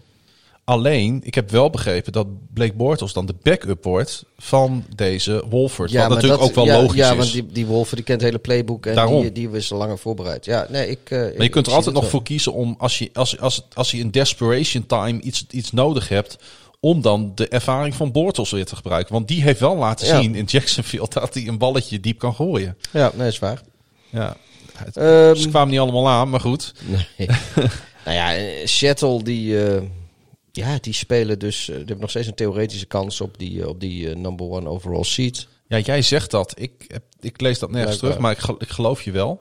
Maakt eigenlijk niet zoveel uit, want ze zijn volgens mij bij de Seahawks al lang blij dat ze Nee, de, de- de- divisietitel hebben binnengehaald. Nee, de, de Seahawks die, die kunnen sowieso nog eh, eh, Green Bay De Saints heeft een theoretische kans volgens Ja. mij. De Seahawks, daar, daar, daarom Nou, de Seahawks, sorry, de Seahawks wel inderdaad en de Saints. theoretisch. Ja, ja. Maar, maar die kan, het kan wel. Maar goed, eh, ergens vind ik dat wel jammer. Want eh, het was natuurlijk in het voordeel van de Bears geweest als de Packers hun backups hadden gestart. Nou ja, dat, eh, die zullen nu met hun sterkste komen. Nou, dat zien we dan ook wel weer hoe dat, hoe dat afloopt. Ehm, ja, weet je, verder... eh, Ja, Niek, Niek vraagt, wat zijn jullie verwachting, eh, verwachtingen omtrent de Rams?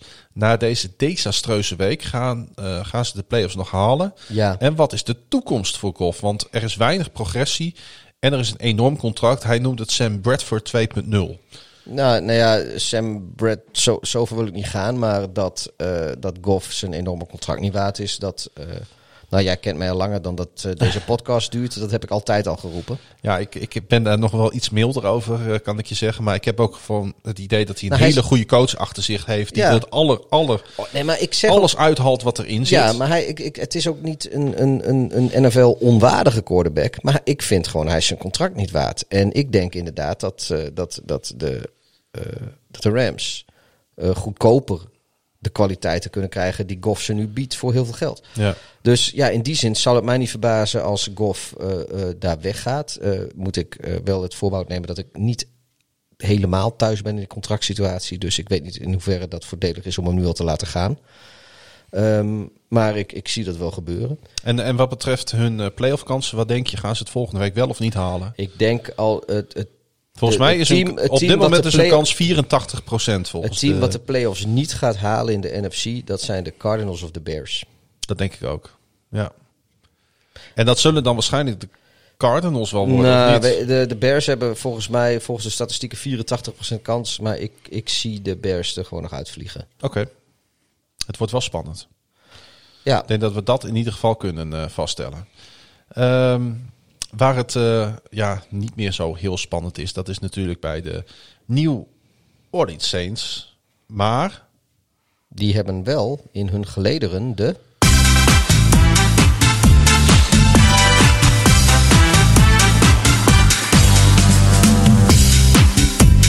de biertopper van de week. Op de week, week, week, week, week, week. pa, pa, pa, pa. Gebaseerd. We zijn ook echt in zo'n lome bui allebei, hè? Ja, joh, Zit hier een beetje onderuit gezakt, zo die dagen tussen kerst en oud en nieuw. eh, Uit een beetje zo- zo'n te NFL-podcast vol te lullen. en dan moet je het over de Vikings en de Saints gaan hebben, 33, 52. En dan kom je opeens daar de biertopper van de week tegen. De biertopper van de week, eh, gebaseerd natuurlijk op onze geweldige sponsor, debiertopper.nl, waar je met code NFL nog altijd met 10% korting heerlijke biertjes kan scoren. Ehm, Ik kan het iedereen aanraden. Ja, Want eh, ja, weet je, bier, alles is beter met bier. Nou, en zo is het. Waarvan akte. Amen. Als je ouder bent dan, wat is het, 18, 21, hoe zit het? Ik, heb geen eh, idee. geen idee, joh. Vraag aan je ouders of je bier mag drinken. Als ze ja zeggen, gewoon bestellen. geen gezeik. In Amerika is het in ieder geval anders dan in Nederland.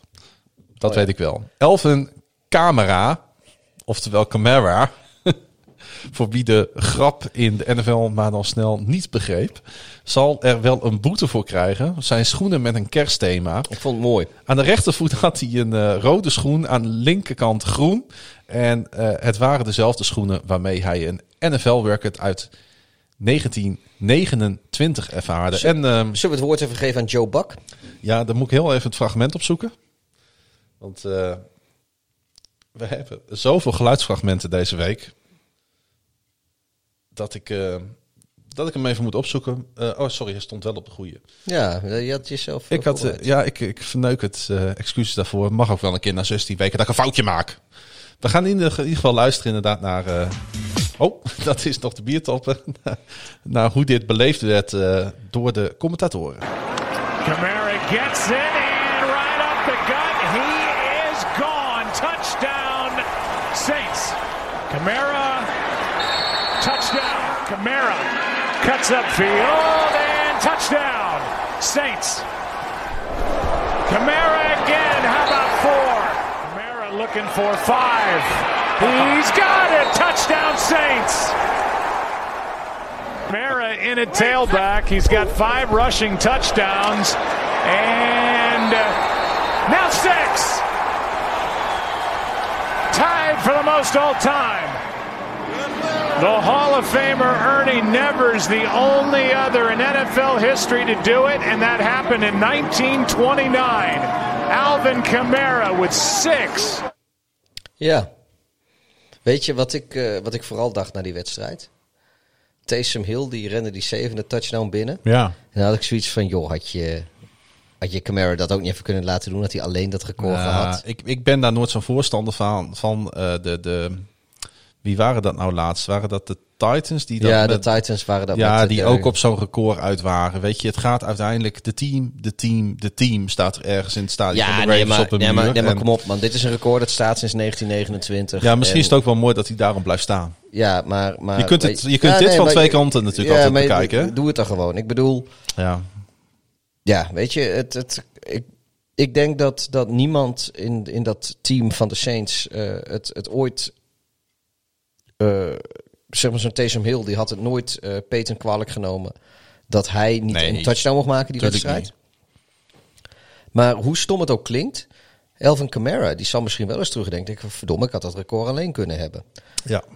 En eh, ja, nou ja, goed. We- Wederom psychologie van de koude grond. Ik denk gewoon, joh, weet je, als je zoiets unieks kan doen voor een, voor een van jouw spelers, die, laten we ook eerlijk zijn, al jarenlang super waardevol is voor de Saints. En dan heeft hij een keer de kans zoiets te doen. Ja, ik eh, zeg aan mijn hoofd even dat hij een eh, contract toetekende voor 75 miljoen dollar volgens mij. Eh, aan het begin van dit, dit seizoen tekende die. Ja, hij scheldt wel hè? Ja, maar ja, goed. Ja, ja nee, dat is zo. Maar ik denk, joh, ge- geef die man gewoon zijn ego-trip en, en zijn zevende touchdown op kerst. Ja. Maar goed, het is niet gebeurd. Hij- Maar de Vikings, die, die zullen zullen minder, minder, minder, met minder plezier in deze wedstrijd terug. Ja, dat lijkt mij ook. Hij had natuurlijk een geweldige dag. eh, Elvin Kamara met eh, een career high 155 yards. Ook dat nog eens. Ja, dat is eigenlijk dus voor zes touchdowns niet eens zoveel. Maar Nee. het waren allemaal short, short yardage touchdowns natuurlijk. En daarnaast dus toch nog die, eh die carrière dag voor hem. Ehm, en dus het gevolg, een 52-33 overwinning van de Saints op de Minnesota Vikings. En een vierde op één volgende NFC South titel voor New Orleans. Dat is toch wel heel erg knap. Ja, het is, eh, ik, ik, ik vind New Orleans een schitterende stad. En ik vind de Saints op zich vind ik het een, eh, een mooie franchise. En er zitten heel veel spelers die ik van alles gun. Maar Sean Payton, ik, ik, ja, ik blijf het allemaal een beetje raar vinden daar. Ja, maar goed, dat heeft natuurlijk een verleden. Ja. Trouwens, over die boete. Camara kon zich er niet echt druk over maken. Hij zei, hoeveel ze me ook beboeten. Ik leg het nog een keer neer en ik geef het ook nog eens aan een goed doel. En terecht. Nou, Weet vond, je, vond ik wel een mooi toffe opmerking van Ja, hem. natuurlijk. Eh, tijdens de wedstrijd hoefde de Saints niet één keer te panten trouwens. Dat kom je ook zelden tegen in een wedstrijd. En, eh, ik, en eh, ik, ik snapte dat wel. Sean Peter zei na de wedstrijd, voelde een beetje aan als een CFL-game, een college football game. Dat, dat was een beetje de Ja. sfeer van deze wedstrijd. De score had nog hoger kunnen uitvallen als Drew Brees. En daar maak ik me dan wel een beetje zorgen Ja, over die als het om steeds, gaat. is niet de oude. Ja, Ja, twee intercepties gooide. maar En- hij is ook gewoon niet de oude. Hij is Nee. niet fit. Kijk, eh, hij noteerde wel gewoon 311 yards ehm, in zijn tweede wedstrijd terug na, na die rib- en longblessure. Maar weet je, kijk, de, kijk hij, hij heeft maar één doel nog dit jaar. Hij wil nog één keer natuurlijk in die Super Bowl komen en hem dan het liefst winnen. Ja. Ik heb het idee dat hij iets te kort komt om op dat niveau nog mee te Nou, doen. ik denk dat dan hij- moet hij het hij- echt hij- hebben van de spelers om zich heen. Hij droomt een beetje van dat uh, Peter Manning scenario. Die, uh, die, die, die Super Bowl die Manning met de Broncos won. Ja, toen dat was het- het terecht dat Manning nog een, nog een tweede Super Bowl in zijn carrière pakte. Ja. Maar uh, laten we niet doen alsof het Manning was die, die de Broncos even naar de Super Bowl sleepte. Dat was eerder andersom. De, de, de Broncos defense Precies. en, en, en ook de offensive, ja. en ook de offensive skill spelers die, die, die trokken het, het lijk van, van Peyton Manning uh, achter zich aan. En daarom is het zo opvallend natuurlijk dat... Want Aaron Rodgers heeft natuurlijk, ondanks al die geweldige jaren, ook maar één ring. Ondanks zijn staat van dienst. Ja, maar dat is gewoon omdat ze bij Green Bay dat gewoon heel slecht managen, laten we eerlijk zijn. Ja, dat is waar. Maar hij zou natuurlijk ook die tweede ring verdienen. Ja, Alleen hij hoeft het... Ja, hij heeft natuurlijk ook geweldige jongens om zich heen staan. Maar goed, hij, eh, op- hij verkeert in een bloedvorm. En dat heb ik inderdaad bij Breeze niet. Maar goed, gelukkig heeft hij dan zo'n sterspeler als Camara om zich heen staan. En er zijn natuurlijk ook nog wel wat andere spelers die daar een balletje kunnen vangen. Eh, voor de Minnesota zit de playoffs er niet meer in. Met een 6-9 record. De Vikings kregen bovendien niet meer zoveel punten tegen in één wedstrijd sinds 1963. Nou dat is zo'n beetje hun, eh, hun oprichtingsjaar. Want ze zijn, Ja. ze zijn vrij oud. Nee, maar de, de, de Vikings zijn low-key statistisch. eh, ehm, ook al winnen ze eigenlijk eh dezelfde prijzen. Hooguit misschien eens een keer een NFC North titel. Maar die zijn low-key, zijn ze gewoon echt een van de... Van de van, ja, echt een van de betere franchises in de, in de, in de NFL. Hmm. Alleen, ja, ze, ze, ze winnen niet. Nee. En, Tenminste, ze, ze, geen, geen, geen titels. Nee, klopt. Ehm, wie eh, ook weinig titels eh, winnen, dat zijn de Tampa Bay Buccaneers. Die hebben er in ieder geval één. Die hebben er wel één, maar eh, de, Lions geen. De Lions geen, precies. Super Bowl technisch dan. Uitslag van deze wedstrijd 47 tegen 7. En Henk Kiel die vroeg zich af, ehm, die zat te kijken naar deze wedstrijd en die dacht aan ons. Hij dacht, nou, laat ik dit- naar die jongens toe twitteren. Dank daarvoor Henk Kiel, wij kunnen deze engagement zeer op prijs stellen. Hij zegt, ik ben nu getuige van een actie die weer een vraag oplevert voor NFL op woensdag. Waarom panten bij een 40-0 achterstand? Nou, die wedstrijd ga je niet meer winnen. Nee. En, maar je wil het eigenlijk ook geen 50-burger maken. De, eh, volgens mij, die situatie stonden de Lions eh, nog redelijk dicht eh, bij hun eigen endzone. En wat je, ja, weet je, als je niet gaat. als, als die fourth down conversion, als die niet lukt, dan geven ze eigenlijk haast een touchdown cadeau. Ja, maar die 50 punten die hadden, die hadden wel op het bord moeten staan. Want volgens mij Ja, nee, dat is de. Buccaneers twee field goals. Nee, maar kijk, het is. eh, Dat, dat, dat, Dat daar hadden de Lions nee, weinig is- eh, controle meer over hoor. Er zijn eigenlijk twee teams die dat doen. Eh, de Patriots en eh, de, de Packers hebben daar ook een handje van. Eh, dat zijn de. Of nou, ik zei, zeg wel de Patriots, maar laten we het hebben de teams waar Tom Brady voor speelt. Ja. En, en, Ik snap eh, waar je naartoe wil. en de Ja. Packers, en dat is dat, dat opdrijven van die score. Gewoon, ook al speelde Brady niet eens meer in de tweede helft. Nee, want die werd Die met werd de in de rust er al afgehaald. Ja, ook, Ja. lekker vernederend voor, voor die Zo. Maar goed, Niet eens in de derde of vierde Nee, kwart maar inderdaad. eh, kijk, scoren, eh, doelsaldo om het zo maar te noemen, punten, punten different- differentieel, dat, dat heeft in de NFL eigenlijk in de tiebreaker procedures pas echt de achtste of negende eh, eh, punt is dat. Het, Ja. heeft dus eigenlijk geen, eh, sorteert geen effect om, om een score op te drijven. Maar wat ik zeg, de, de, de, de Packers en de, en de, en de, de Brady teams, om het zo maar te noemen, die, Mhm. die doen dat. Ja, en, en dat, dat probeer je gewoon een beetje te voorkomen. Als, een beetje, an- en dat hoop je ook een beetje op als tegenstander. Dat, dat het dan op een gegeven moment stopt. Ik, zat een beetje, eh, ik had een beetje te doen met die Lions. Want eh, eerder dit jaar verloren ze ook al zo kansloos tijdens Thanksgiving. En de laatste jaren krijgen ze ook de met... Texans was dat toch? Ja, kregen ze met kerst, eh, krijgen ze ook steeds die, die, ja, niet primetime, maar wel die wedstrijden toebedeeld die in het hele land te zien zijn. Eh, die, Ja. die geven ze dan steeds aan Detroit. En ja, het, het is natuurlijk eh, op zich is het een mooie traditie om een traditieteam als de Lions tijdens feestdagen een wedstrijd toe te bedelen die live wordt uitgezonden door het hele land. Ja, maar het begint wel een beetje gênant te worden Ja, voor, die Lions. Ke- Kerst is er introduceerd, maar Thanksgiving sowieso natuurlijk. ja. Ja, nou, maar laten we even eerlijk zijn.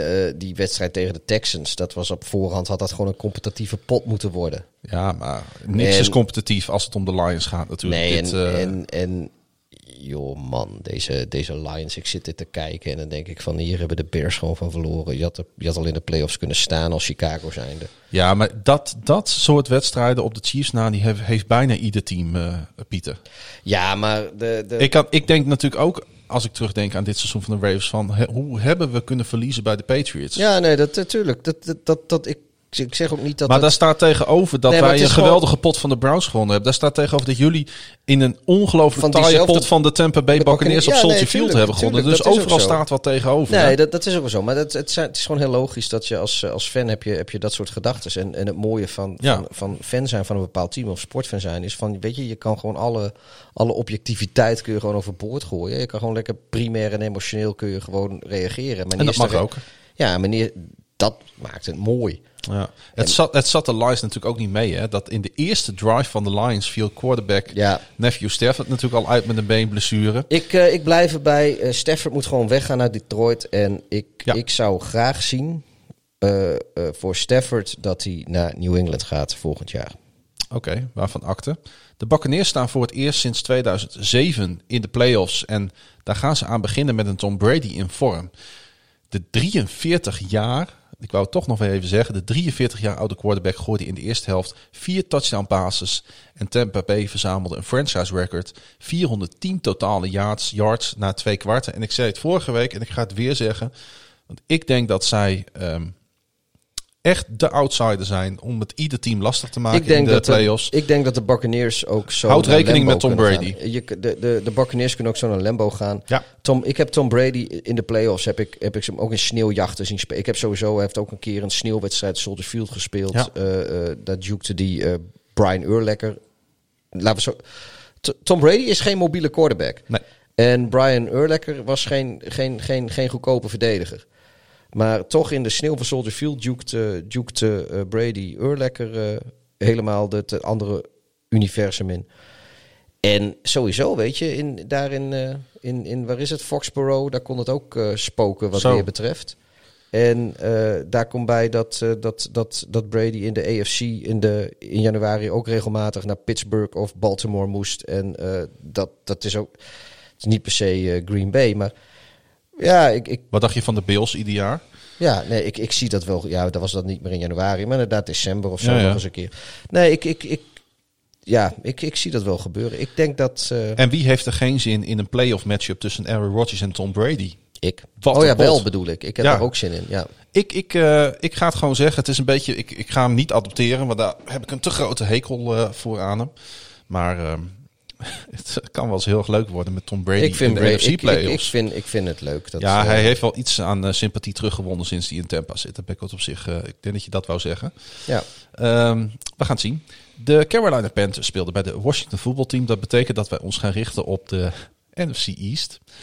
Eh, ja, het had zo mooi kunnen zijn voor de Washington voetbalteam. Ja, weet je, dit... ik- Ja, met de Panthers op bezoek, weet je, Ja, eh, ze lag de ze- NFC East divisietitel echt Ja. voor, het, voor het oprapen. Hou op hoor. Maar het lukte niet. ja, ik zat echt. eh, ik, ik zat in die, die voorbeschouwing te kijken op NFL Network. En al, alles en iedereen die ging voor de Panthers. En ik dacht van ja, waarom nou? Want jongens, Washington, als je één keer iets, iets van betekenis kan neerzetten, dan is het vandaag. Maar ze kregen wel gelijk. En dat had natuurlijk alles te maken met die quarterback, Dwayne Haskins, die ondertussen ontslagen is. Man, man, man, man, man. Ja, hij speelde niet alleen heel gematig. Eerder deze maand. Hij liet zich ehm, ook eh, lekker eh, on-covid-proof, mondkaploos onderkuchen door een stel strippers of zo. Ja. Ja, joh, weet je. Ik vond het. Ik heb er geen goed woord voor. Nou, het zegt Wat over de onzin. mentaliteit. Het was volgens mij, weet je, oké, ik, ik, ik wil niet al te conservatief overkomen of zo. Het was de verjaardag van zijn vriendin. Ik heb jou van de week nog progressief genoemd. Een radicalist zelfs. Radicalist, ja. Nee, maar dan heb je het dus over een. Dan ben je quarterback van een van de 32 teams. Eerste ronde draft pick. Wat doe je? In COVID-periode is jouw vriendin jarig. Er komen op die verjaardag strippers. Op de verjaardag dus van, je, van jouw vrouwelijke Wa- partner. waarom heb ik nooit zo'n vriendin gehad? nee, dat vroeg ik mij ook even af. Maar Ik dit bedoel, is de toch- laatste keer dat ik vriendin wilde zij al niet eens de kleren Nee, maar alleen al dat feit- ze andere... alleen al dat feit is toch opmerkelijk. Dan kom je, dan ben je, hij is dus zo'n typische college speler die in de NFL komt te spelen, een beetje geld op de bankrekening heeft. En wat gebeurt er dan als er een feestje Ja, gegeven wordt? Het moet gelijk extravagant. Ja, en, en weet je, ik denk dan alleen maar, weet, moet, je- moet je eens even luisteren naar wat onze grote vriend J.J. Watt eh, te zeggen had. Mhm. En wat we, we hebben laten horen. Precies. Eh, Ondertussen al anderhalf uur geleden, geloof ik, voor mijn gevoel. maar ehm, weet ik, wil het, ik wil helemaal niet meer praten over die hele, hele Dwayne Haskins. Die man die, die stelt zo teleur. Die, die, is, die is gewoon gezegend met, met een, een bovengemiddeld hoeveelheid talent eh, voor quarterback. Die heeft het geschopt tot de NFL. Misschien niet bij eh, de meest prestigieuze franchise eh, van dit moment. Hoewel er zeker geschiedenis ligt in Washington DC. eh, Mhm. wat de NFL betreft. Die hebben volgens mij ook gewoon drie Super Bowls gewonnen. Ehm, maar Maar als toch één coach in de NFL niet zo'n quarterback verdient, Ah, nee, dan is het toch Ron nee, Rivera. Hij heeft, hem, hij heeft hem al eerder dit seizoen heeft hij hem gebenched omdat het, eh, omdat het met zijn mentaliteit niet goed zat. Weet je nog? Dat was ergens na week 2 of week Nee, 3, nee, nee, nee. whatever. Dat was na de wedstrijd tegen Baltimore. Die verloren ze met 30-10. Wat gebeurt er? Ron Rivera loopt de kleedkamer in. Heeft net verloren. Ja? van de Ravens. Dat kan, natuurlijk. Maar wat gebeurt er in die wedstrijd? Dwayne Haskins gooit voor het eerst in zijn carrière een 300 yard passing game. Ja. Staat in zijn eentje daarom een feest te vieren. Terwijl je net met 20 punten verschil Nou ja, een wedstrijd hebt het verloren. was in elk geval een mentaliteit. Dat is wat er ja, gebeurde. Nee, maar goed, dat is een mentaliteitskwestie. Dat is mentaliteit, dat, is maar- attitude. nee, precies. Ja. Maar dat, dat heeft Rivero gezegd. Hij is, eh, die, heeft, eh, die heeft Dwayne Haskins heeft die starter afgemaakt. Toen heeft gezegd, van, ja, mentaal zit die jongen niet goed in elkaar. Nou, de- aan het eind van het seizoen ook een beetje vanwege alle andere ellende... dat ze werkelijk waar niet, niemand anders meer konden vinden... om, eh, om, om nog wat te doen, Mhm. quarterback technisch. En mocht hij weer terugkomen en... Hou op hoor, weet je. Dan heb je alweer zoveel kansen gehad. En, en dit is wat je ermee doet. Ja, en dan heb je dus gezien, eerder dat seizoen, eh, in jezelfde team, in, in je eigen stadion, heb je Alex Smith We- ja, daarom- weer terug zien komen Ja, van... nee, we- we- nee, we- maar je, de- de- hier is, met deze jongen is alles fout. Ja. Die gaat ook nergens Daarom- meer aan de bak komen. Nou ja, wat ik net zei. Ja, Kan ik me gewoon nee, echt niet voorstellen. hij komt uiteindelijk weer ergens aan de bak. Ik bedoel, die, Dat die kan fan- bijna niet anders. Dat, die, dat, die, eh, die, die, die, die eh, Bountygate lul van de, van de Saints, die heeft ook nog eh, sindsdien is hij overal eh, aan de bak gekomen. Die is, eh, sinds zijn schorsing is hij nooit meer werkloos geweest. En die, zal, die is nu bij- dan bij de Jets ontslagen, maar die zal ook weer gewoon een baan vinden. Dwayne Haskins, die komt eh, waarschijnlijk wel weer ergens bij een of ander wanhopig team aan de bak. Eh, weet ik veel. eh, ik zie hem zo in Las Vegas bij de Raiders in één keer de backup worden, bijvoorbeeld als, als Mariota daar Mm. weggaat. Of weet je, dat, dat soort dingen. Die, die, die, die, die vindt wel weer wat, maar kom op man. Ik, ik wil gewoon niet meer over die jongen praten. Als Alex Smith komend weekend niet fit genoeg is, dan zal Taylor Heineken starten op de positie van quarterback. En hen kennen we nog van de St. Louis Battlehawks. Dat, Ja, was ons heel goed, geadopteerde, dat was ons geadopteerde team. Hè? Dat was ons XFL-team. Ja, man. En eh, daar, was hij de, daar was hij quarterback. Ja, vind ik toch mooi, hè? De Panthers, die gooiden eindelijk weer eens alle schroom van zich af. En wonnen weer eens na drie nederlagen op rij. Quarterback Teddy Bridgewater gooide 197 passing yards bij elkaar. En met name defense special teams, niet voor het eerst dit seizoen, speelden erg goed. Maar, man van de wedstrijd... Nou, zeg het eens. Ja, niet voor de eerste keer dit jaar. Rookie Chase Young natuurlijk. Joh.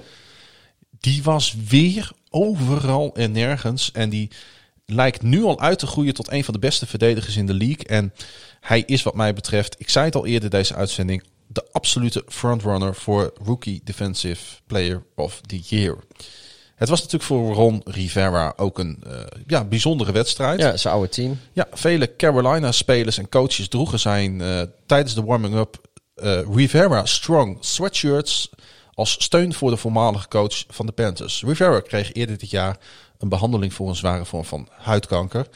En Rivera stond natuurlijk vijf jaar geleden nog met de Panthers in de Super Bowl. Ja. En dat was met Cam Newton, die dat seizoen ook MVP werd. En eh, ja, waar dus de voetbalteam verloren, was het natuurlijk interessant wat er gebeurde bij die andere wedstrijd in de divisie tussen de Philadelphia Eagles en de Dallas Cowboys. Ik, eh, ik, het op zich verraste me niet dat Dallas dat wint. Eh, dat ze dat met 20 punten verschil doen, verraste me wel. Maar het hoogtepunt van de wedstrijd vond ik de touchdown pass van, van Hurts Ja, op eh Deshaun Jackson. Het was We, trouwens zo... we zeiden al tegen elkaar, weet je, dit, deze speelronde. We hebben Ja. twee touchdowns van eh, Jimmy Graham bij de Bears. We hadden Deshaun Jackson bij de Eagles. En, Des Bryant eh, bij de Des- Ravens. en Des Bryant bij de Ravens. En in één keer was het weer Ik dacht, 2012. hallo, ik dacht is- hallo 2010, daar zijn ja, we of weer. 2012, whatever. Ja, Ja. ja. daar leek het even op. Ehm hey, maar eh, ja, dat is, we, we, we hadden natuurlijk, als mensen zich, die dit horen zich het nog kunnen herinneren, heel lang geleden hadden we de intro eh, deuntje van deze show. Er zaten Mhm. een paar geluidsfragmenten in en dat begon met eh, die paas van Hurts op eh, Jackson. Absoluut hoogte, hoogtepunt. En ja, weet je, de, de Eagles die, die, die als, als zij zeg maar niet meer zoveel blessures hebben en Hurts die ontwikkelt zich, die heeft een COVID-loos normaal pre-season straks hoop ik voor hem Mhm. Eh, eh, en voor iedereen. eh, dat dat deze zomer wel een beetje, beetje dat het leven iets normaler is. Ja. Waarin hij zich kan voorbereiden. Ik, ik, Geldt natuurlijk ook voor de Cowboys, hè? ja, ja, ja. Nee, ja, nee, nou ja, die moet dit, in de zomer vraag ik me af of, of Prescott alweer goed genoeg is om, om, om zich vol op die voorbereiding te storten. Ja, want toch daar nog even over Pieter. ik, want- ja, nee, maar ik, ik, Hurts, dat, dat Ja. zie ik wel gebeuren. Ja, ik ook. Ehm, kijk, het zat ze natuurlijk niet mee in Philadelphia, maar ook het zat de Cowboys natuurlijk ook niet mee. Hè? Die, die gruwelijke enkelblessure van hun star quarterback. Andere nare blessures. Dan hadden ze eh, onlangs ook nog het plotselinge overlijden van een van de coaches. En toch eh, heeft Dallas, en niet Philadelphia, want Philadelphia is nu weg. Dallas heeft nog steeds een kans op de divisietitel en playoff deelname. Ja, de Giants ook. Ja, de Giants ook. Dus dat zijn de drie teams die nog vechten. Washington, Dallas en eh, New York Giants. En Philadelphia is, eh, is, is klaar. En dat is Ja. toch wel sneu. Want ik had op een gegeven moment toch echt sterk het idee... dat Philadelphia wel eens het team zou kunnen zijn... dat met Hurts aan het langste eind zou trekken. Nou, ik denk ook dat als, je weer, als we weer teruggaan naar zeg juli, Ja. Dan eh, was denk ik de consensus toch echt dat het eh, eh, tussen de Eagles en tussen de Cowboys zou gaan voor de, voor de, voor de NFC East titel. Ja. En ik denk dat de Eagles misschien wel licht favoriet waren. ja. Waar, waar gaat de titel heen? En dus ook de playoff deelname. Als je nu zou moeten kiezen. Ik heb echt geen idee. Want deze ik- ik teams wil, spelen natuurlijk kijk, allemaal weer tegen elkaar volgende week. Ja, wat, wat het, het is, ik geloof de Washington voetbalteam, die hebben, eh, even kijken tegen wie spelen die nou De straks? Cowboys die, die spelen spelen, spelen volgende week eh, bij de New York at Giants. Philadelphia. At Philadelphia speelt Washington. At. Ja, dus de Cowboys spelen tegen de Giants. Ja, Dallas en die en moeten hopen dat Washington verliest van de Eagles. En de Giants kunnen dan weer de playoffs halen als ze winnen van de Cowboys. En moeten ook hopen op een nederlaag van voetbalteam. Ja, Zo nou, zit kijk, het in nu, nu geloof ik eh, niet in dat teams expres gaan verliezen. Maar ik denk dat, eh, ik heb geen idee precies Nee, zeker niet in deze divisie onderling. Nee, maar ik denk wel dat ze in Philadelphia het liefst een grotere hekel hebben aan Dallas en de Giants dan aan, Mhm. de, aan, de, aan, de, aan de voetbalteam. Maar goed, eh, dat, eh, die spelers zullen ook niet willen verliezen. En ik denk dat het voetbalteam alles op alles moet zeggen om in Philadelphia te winnen. Want ik Nou. denk dat, eh dat Hurts ook nog wel even wat wil laten zien. Ze krijgen er zelfs een eh, primetime game eh, voor terug, want hij is geflext naar de Sunday night. En ehm, ja, schijnbaar zit hier de grootste spanning voor de league. Nee, natuurlijk niet. Hier zit de grootste voetbalmarkt voor de league. Wat, eh, wat had jij ge- geprimetimed? Nou, weet je wat, Ik het, weet je wat ik- het wel is? Kijk, ze Ja. doen natuurlijk heel veel wedstrijden gelijk. Kijk, bijvoorbeeld eh, Green Bay uit Chicago, die Mhm. is van 7 uur naar, eh, naar 5 voor half 10 gegaan. En dat is altijd een wedstrijd die je op primetime zou kunnen plaatsen. Ja, nee, Alleen maar, al nee, maar om, ze, om de hebben, ze, hebben, ze, ze hebben dat gedaan. Ze hebben Green Bay uit Chicago, die hebben ze naar 5 voor half eh 10, 11, sorry, 5 voor half 11 gezet. Ja. Om, zodat hij gelijk staat met eh, Arizona at Rams. Mhm. Want dat, dat, dat, die, zitten, die hangen samen met elkaar. En eh, ehm, Dallas at eh, de Giants, dat is volgens mij de Sunday night, toch? Ehm, Of is het die andere? Is het de Washington voetbalteam? nee, de voetbalteam is de Sunday night tegen de Eagles. Ja, wat, wat... Nou ja, goed. Weet je, het, eh, ehm, Ik snap het wel. Alleen, eh, kijk, deze teams gaan geen rol in die, in nee, die play-offs spelen. nee, nou ja, dat... dat, dat Kijk, je zou dat- eigenlijk- zeg, zeg nooit nooit, maar... je zou het- eigenlijk het- voor de Colts of de Titans moeten gaan, vind ik. Want ik vind het de echte spanning en ook de echte Nee, kwaliteit nee, zit, maar dat, zit, ik- eh, dat zit zijn, daar. nee, maar dat zijn allemaal wedstrijden die tussen meerdere teams... eh, zit, in meerdere wedstrijden zitten voor meerdere teams zitten daar belangen. En die wil je zoveel mogelijk gelijk spelen. Ja. En eigenlijk is het zo dat eh, Washington heeft het van begin af aan... heeft het gewoon in eigen hand. En die beïnvloeden eigenlijk nul andere teams. En eh, als Washington nog niet gespeeld heeft... Mhm. dan maakt het voor... Of, ook- of ook al zouden ze wel hebben gespeeld... dan is Dallas eh, Giants... is, is, dat, is, dat wordt in een vacuüm gespeeld. Er zijn Ja. geen andere teams wat het invloed op heeft. Dus in die zin snap ik het wel. Want dat is natuurlijk nooit de, de reden geweest dat ze hem eh, primetime gezet hebben. Maar ik snap wel dat de wedstrijd die op primetime gespeeld wordt, dat is er maar eentje. Nou, dat is dan ook een wedstrijd die geen andere wedstrijd beïnvloedt. Het is niet zo dat andere teams daar eh, van afhankelijk zijn. Nou, dan had je moeten gaan misschien voor de Dolphins en de Bills. Omdat de Jets en de Patriots ook uitgespeeld zijn. Dan zou dat misschien een goede wedstrijd zijn geweest. Omdat je dan in ieder geval in de divisie want- heb je nee, geen nee, ongelijkheid. maar, de, maar de Dolphins, wat die doen, dat is weer van belang voor teams als de Ravens. Dat klopt. En- Nee, je hebt, kijk, ik snap het, het standpunt wel. Maar we hadden afgelopen weekend ook wedstrijden op vrijdag, zaterdag en zondag. Eh, De, de Bears wisten op zondag al dat de Cardinals verloren hadden. Ja. Dus nou, nee, maar goed, dat, daar ging je, het ook zo, niet Zo werkt het in de Eredivisie natuurlijk ook. Tot eh, pas het, alleen ronde 33, 34 is alles tegelijk en daarvoor Ja. niet. En terwijl eh, best daarvoor in, in ronde 32 al dingen beslist kunnen worden. Nou, maar eh, laten we gewoon blij zijn, want al die echte beslissingen, die zowel voor jou in de EFC als voor mij in de NFC, die hebben, kunnen we allemaal tenminste nog zien op een beetje normale tijd. En dan Ja, kunnen we daarna het wordt, kijken of Het wordt een red zone om Ja. nu al Ja. je vingers bij af te likken en, natuurlijk. En, en dan kunnen we daarna wel beslissen of we er dusdanig ziek van zijn dat we, dat we die, die, die rare NFC East eh, primetime wedstrijd maar gewoon laten schieten s'nachts. Of dat we gewoon lekker nog dronken van gelukszus hebben. Nog meer voetbal, nog meer voetbal, nog meer voetbal. En dan ga je van ellende maar kijken.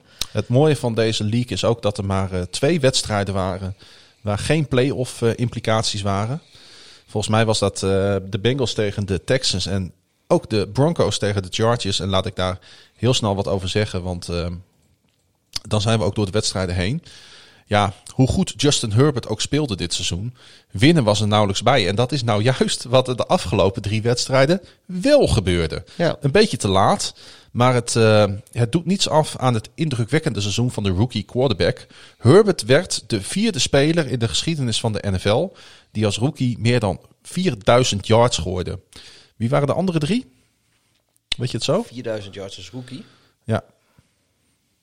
Er waren drie andere spelers. En het was eh, niet zo lang geleden hoor, alle drie.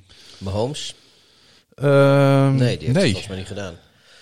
Eh, Eentje, eentje speelt bij de Patriots nu. New- oh ja, Newton Dat is Cam het. Newton. Ja. Oh, ik, ik ben hier ben ik slecht in hoor. Dat geeft niet. eh, het is ook niet zo makkelijk. De andere is James Winston. En Ja, dat heb ik nooit gedaan. de derde is Andrew Luck. Het staat trouwens ook gewoon me in het script. Weet je, weet je nog dat rookie seizoen van Luck? Hoe, hoeveel Ja. indruk die maakte? ja. Hij doet, dat, hij doet mij misschien zelfs ook wel een beetje aan hem denken. Als ik, ik vind altijd, spelers moet je nooit te veel met elkaar vergelijken. Maar eh, die maakt ook zo Ik vind, veel ik vind. Justin Herbert vind ik een, een, een, een, een Brett Favre. Hm. Omdat hij meer een pocket passer is. Nee, omdat het een gunslinger is, een ouderwetse gunslinger. Ja, vanuit... eh, Maar dan wel eentje die, die, die, eh, die dat met iets meer beleid doet dan. eh, eh, nou ja, dan. dan niet helemaal blind. Maar ik, ik Nee. hou er wel van. Weet je, wat, wat, wat de, de, de Brett Favre. de. Jay Cutler had er ook wel een handje van. van ja, ik, ik hou er wel van. Ja, ik snap het wel. Denver, die had, nou, die had gewoon weinig zin meer in deze wedstrijd. Tot het vierde kwart. Toen stonden ze met 16 eh, 16-3 achter. Toen ze opeens wel karakter door nog terug te komen tot 16-16.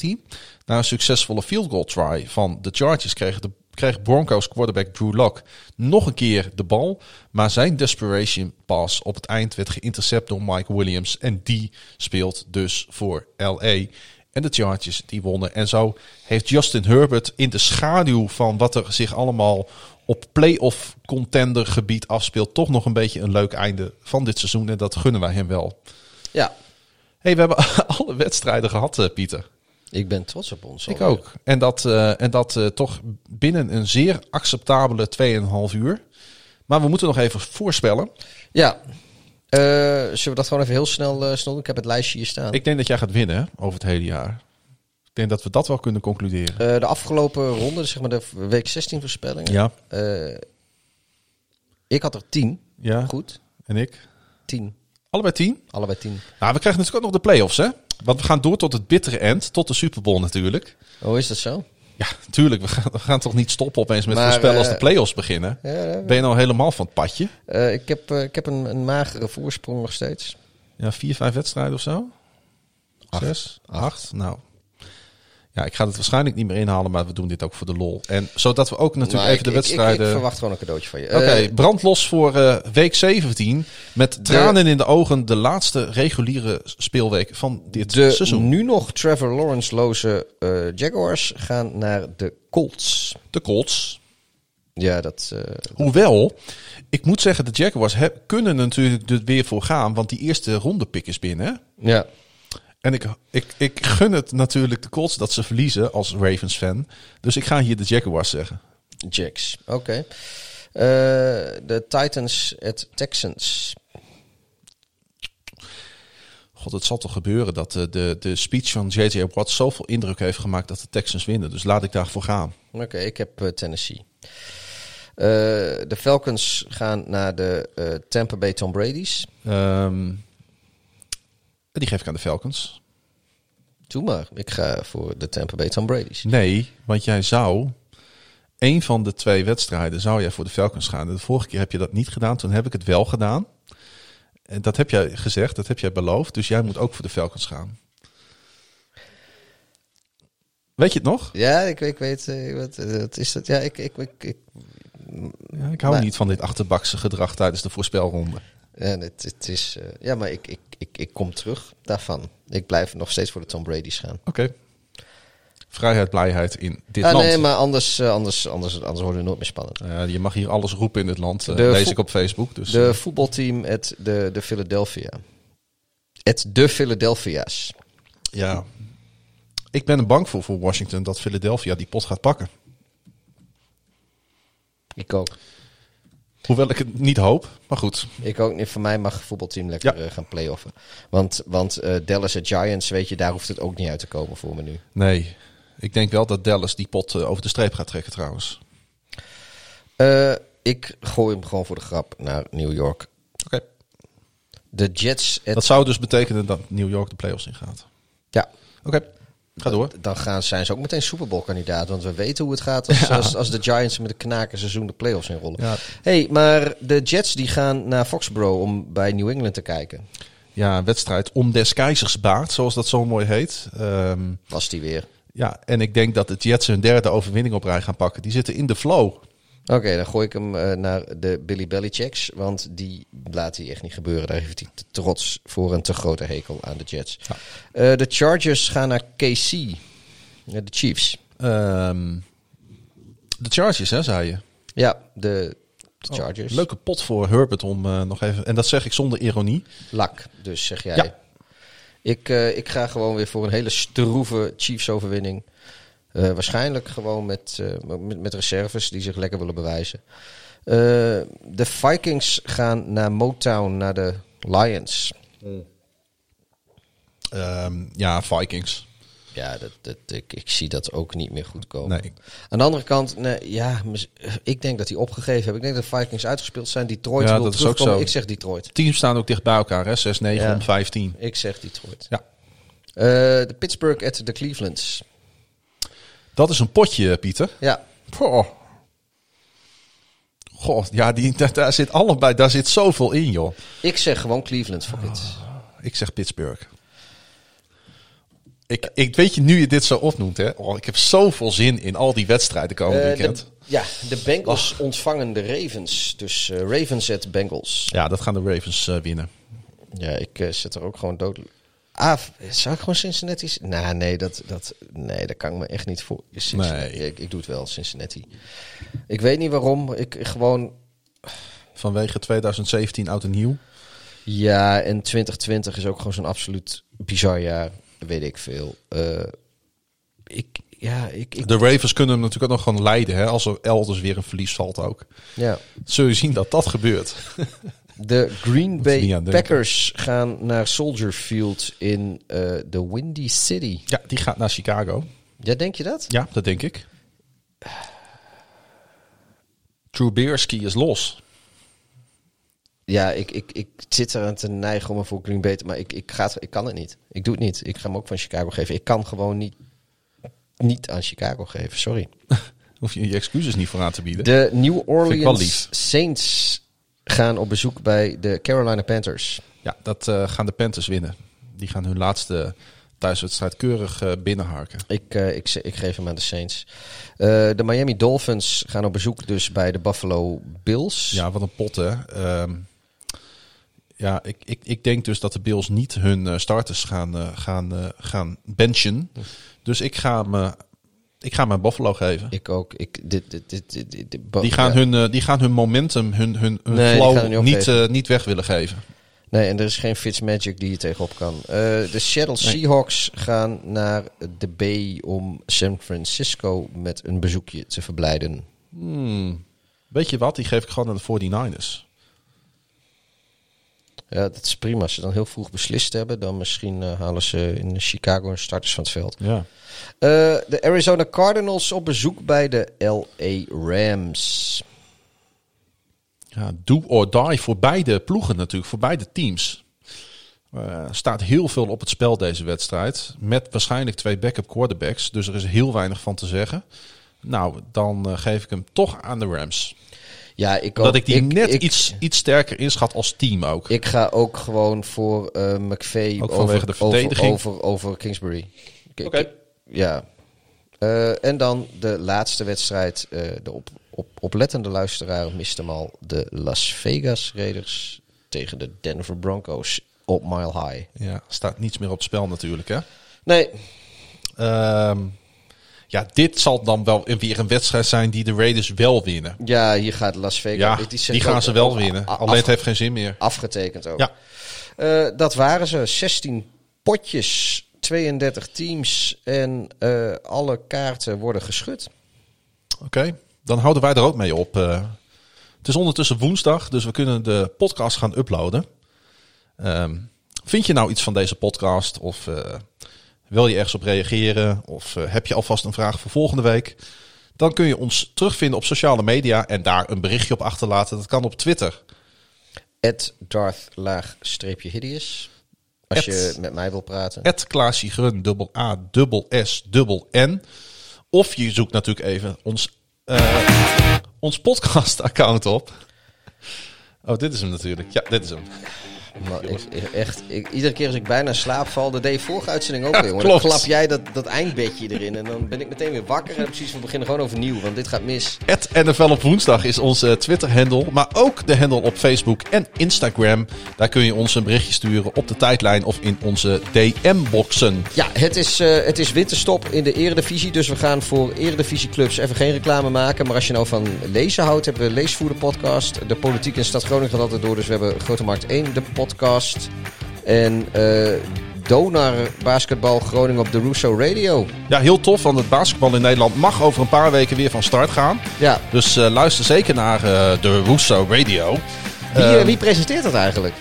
ik ben een van de, van de hosts Ja, van vind- ook die show. Vind ik mooi, vind ik mooi.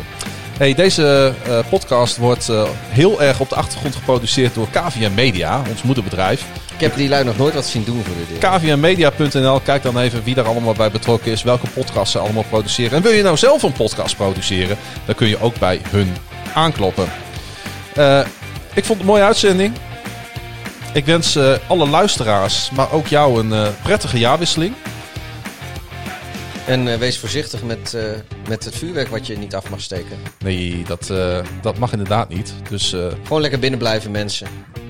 Joep van het hek kijken. nou, Ja, nee, ik, ik, ik, ik, ik niet. Ik, ik steek nog liever een roestige ijspriem in mijn in, in mijn oogbal. ik ook.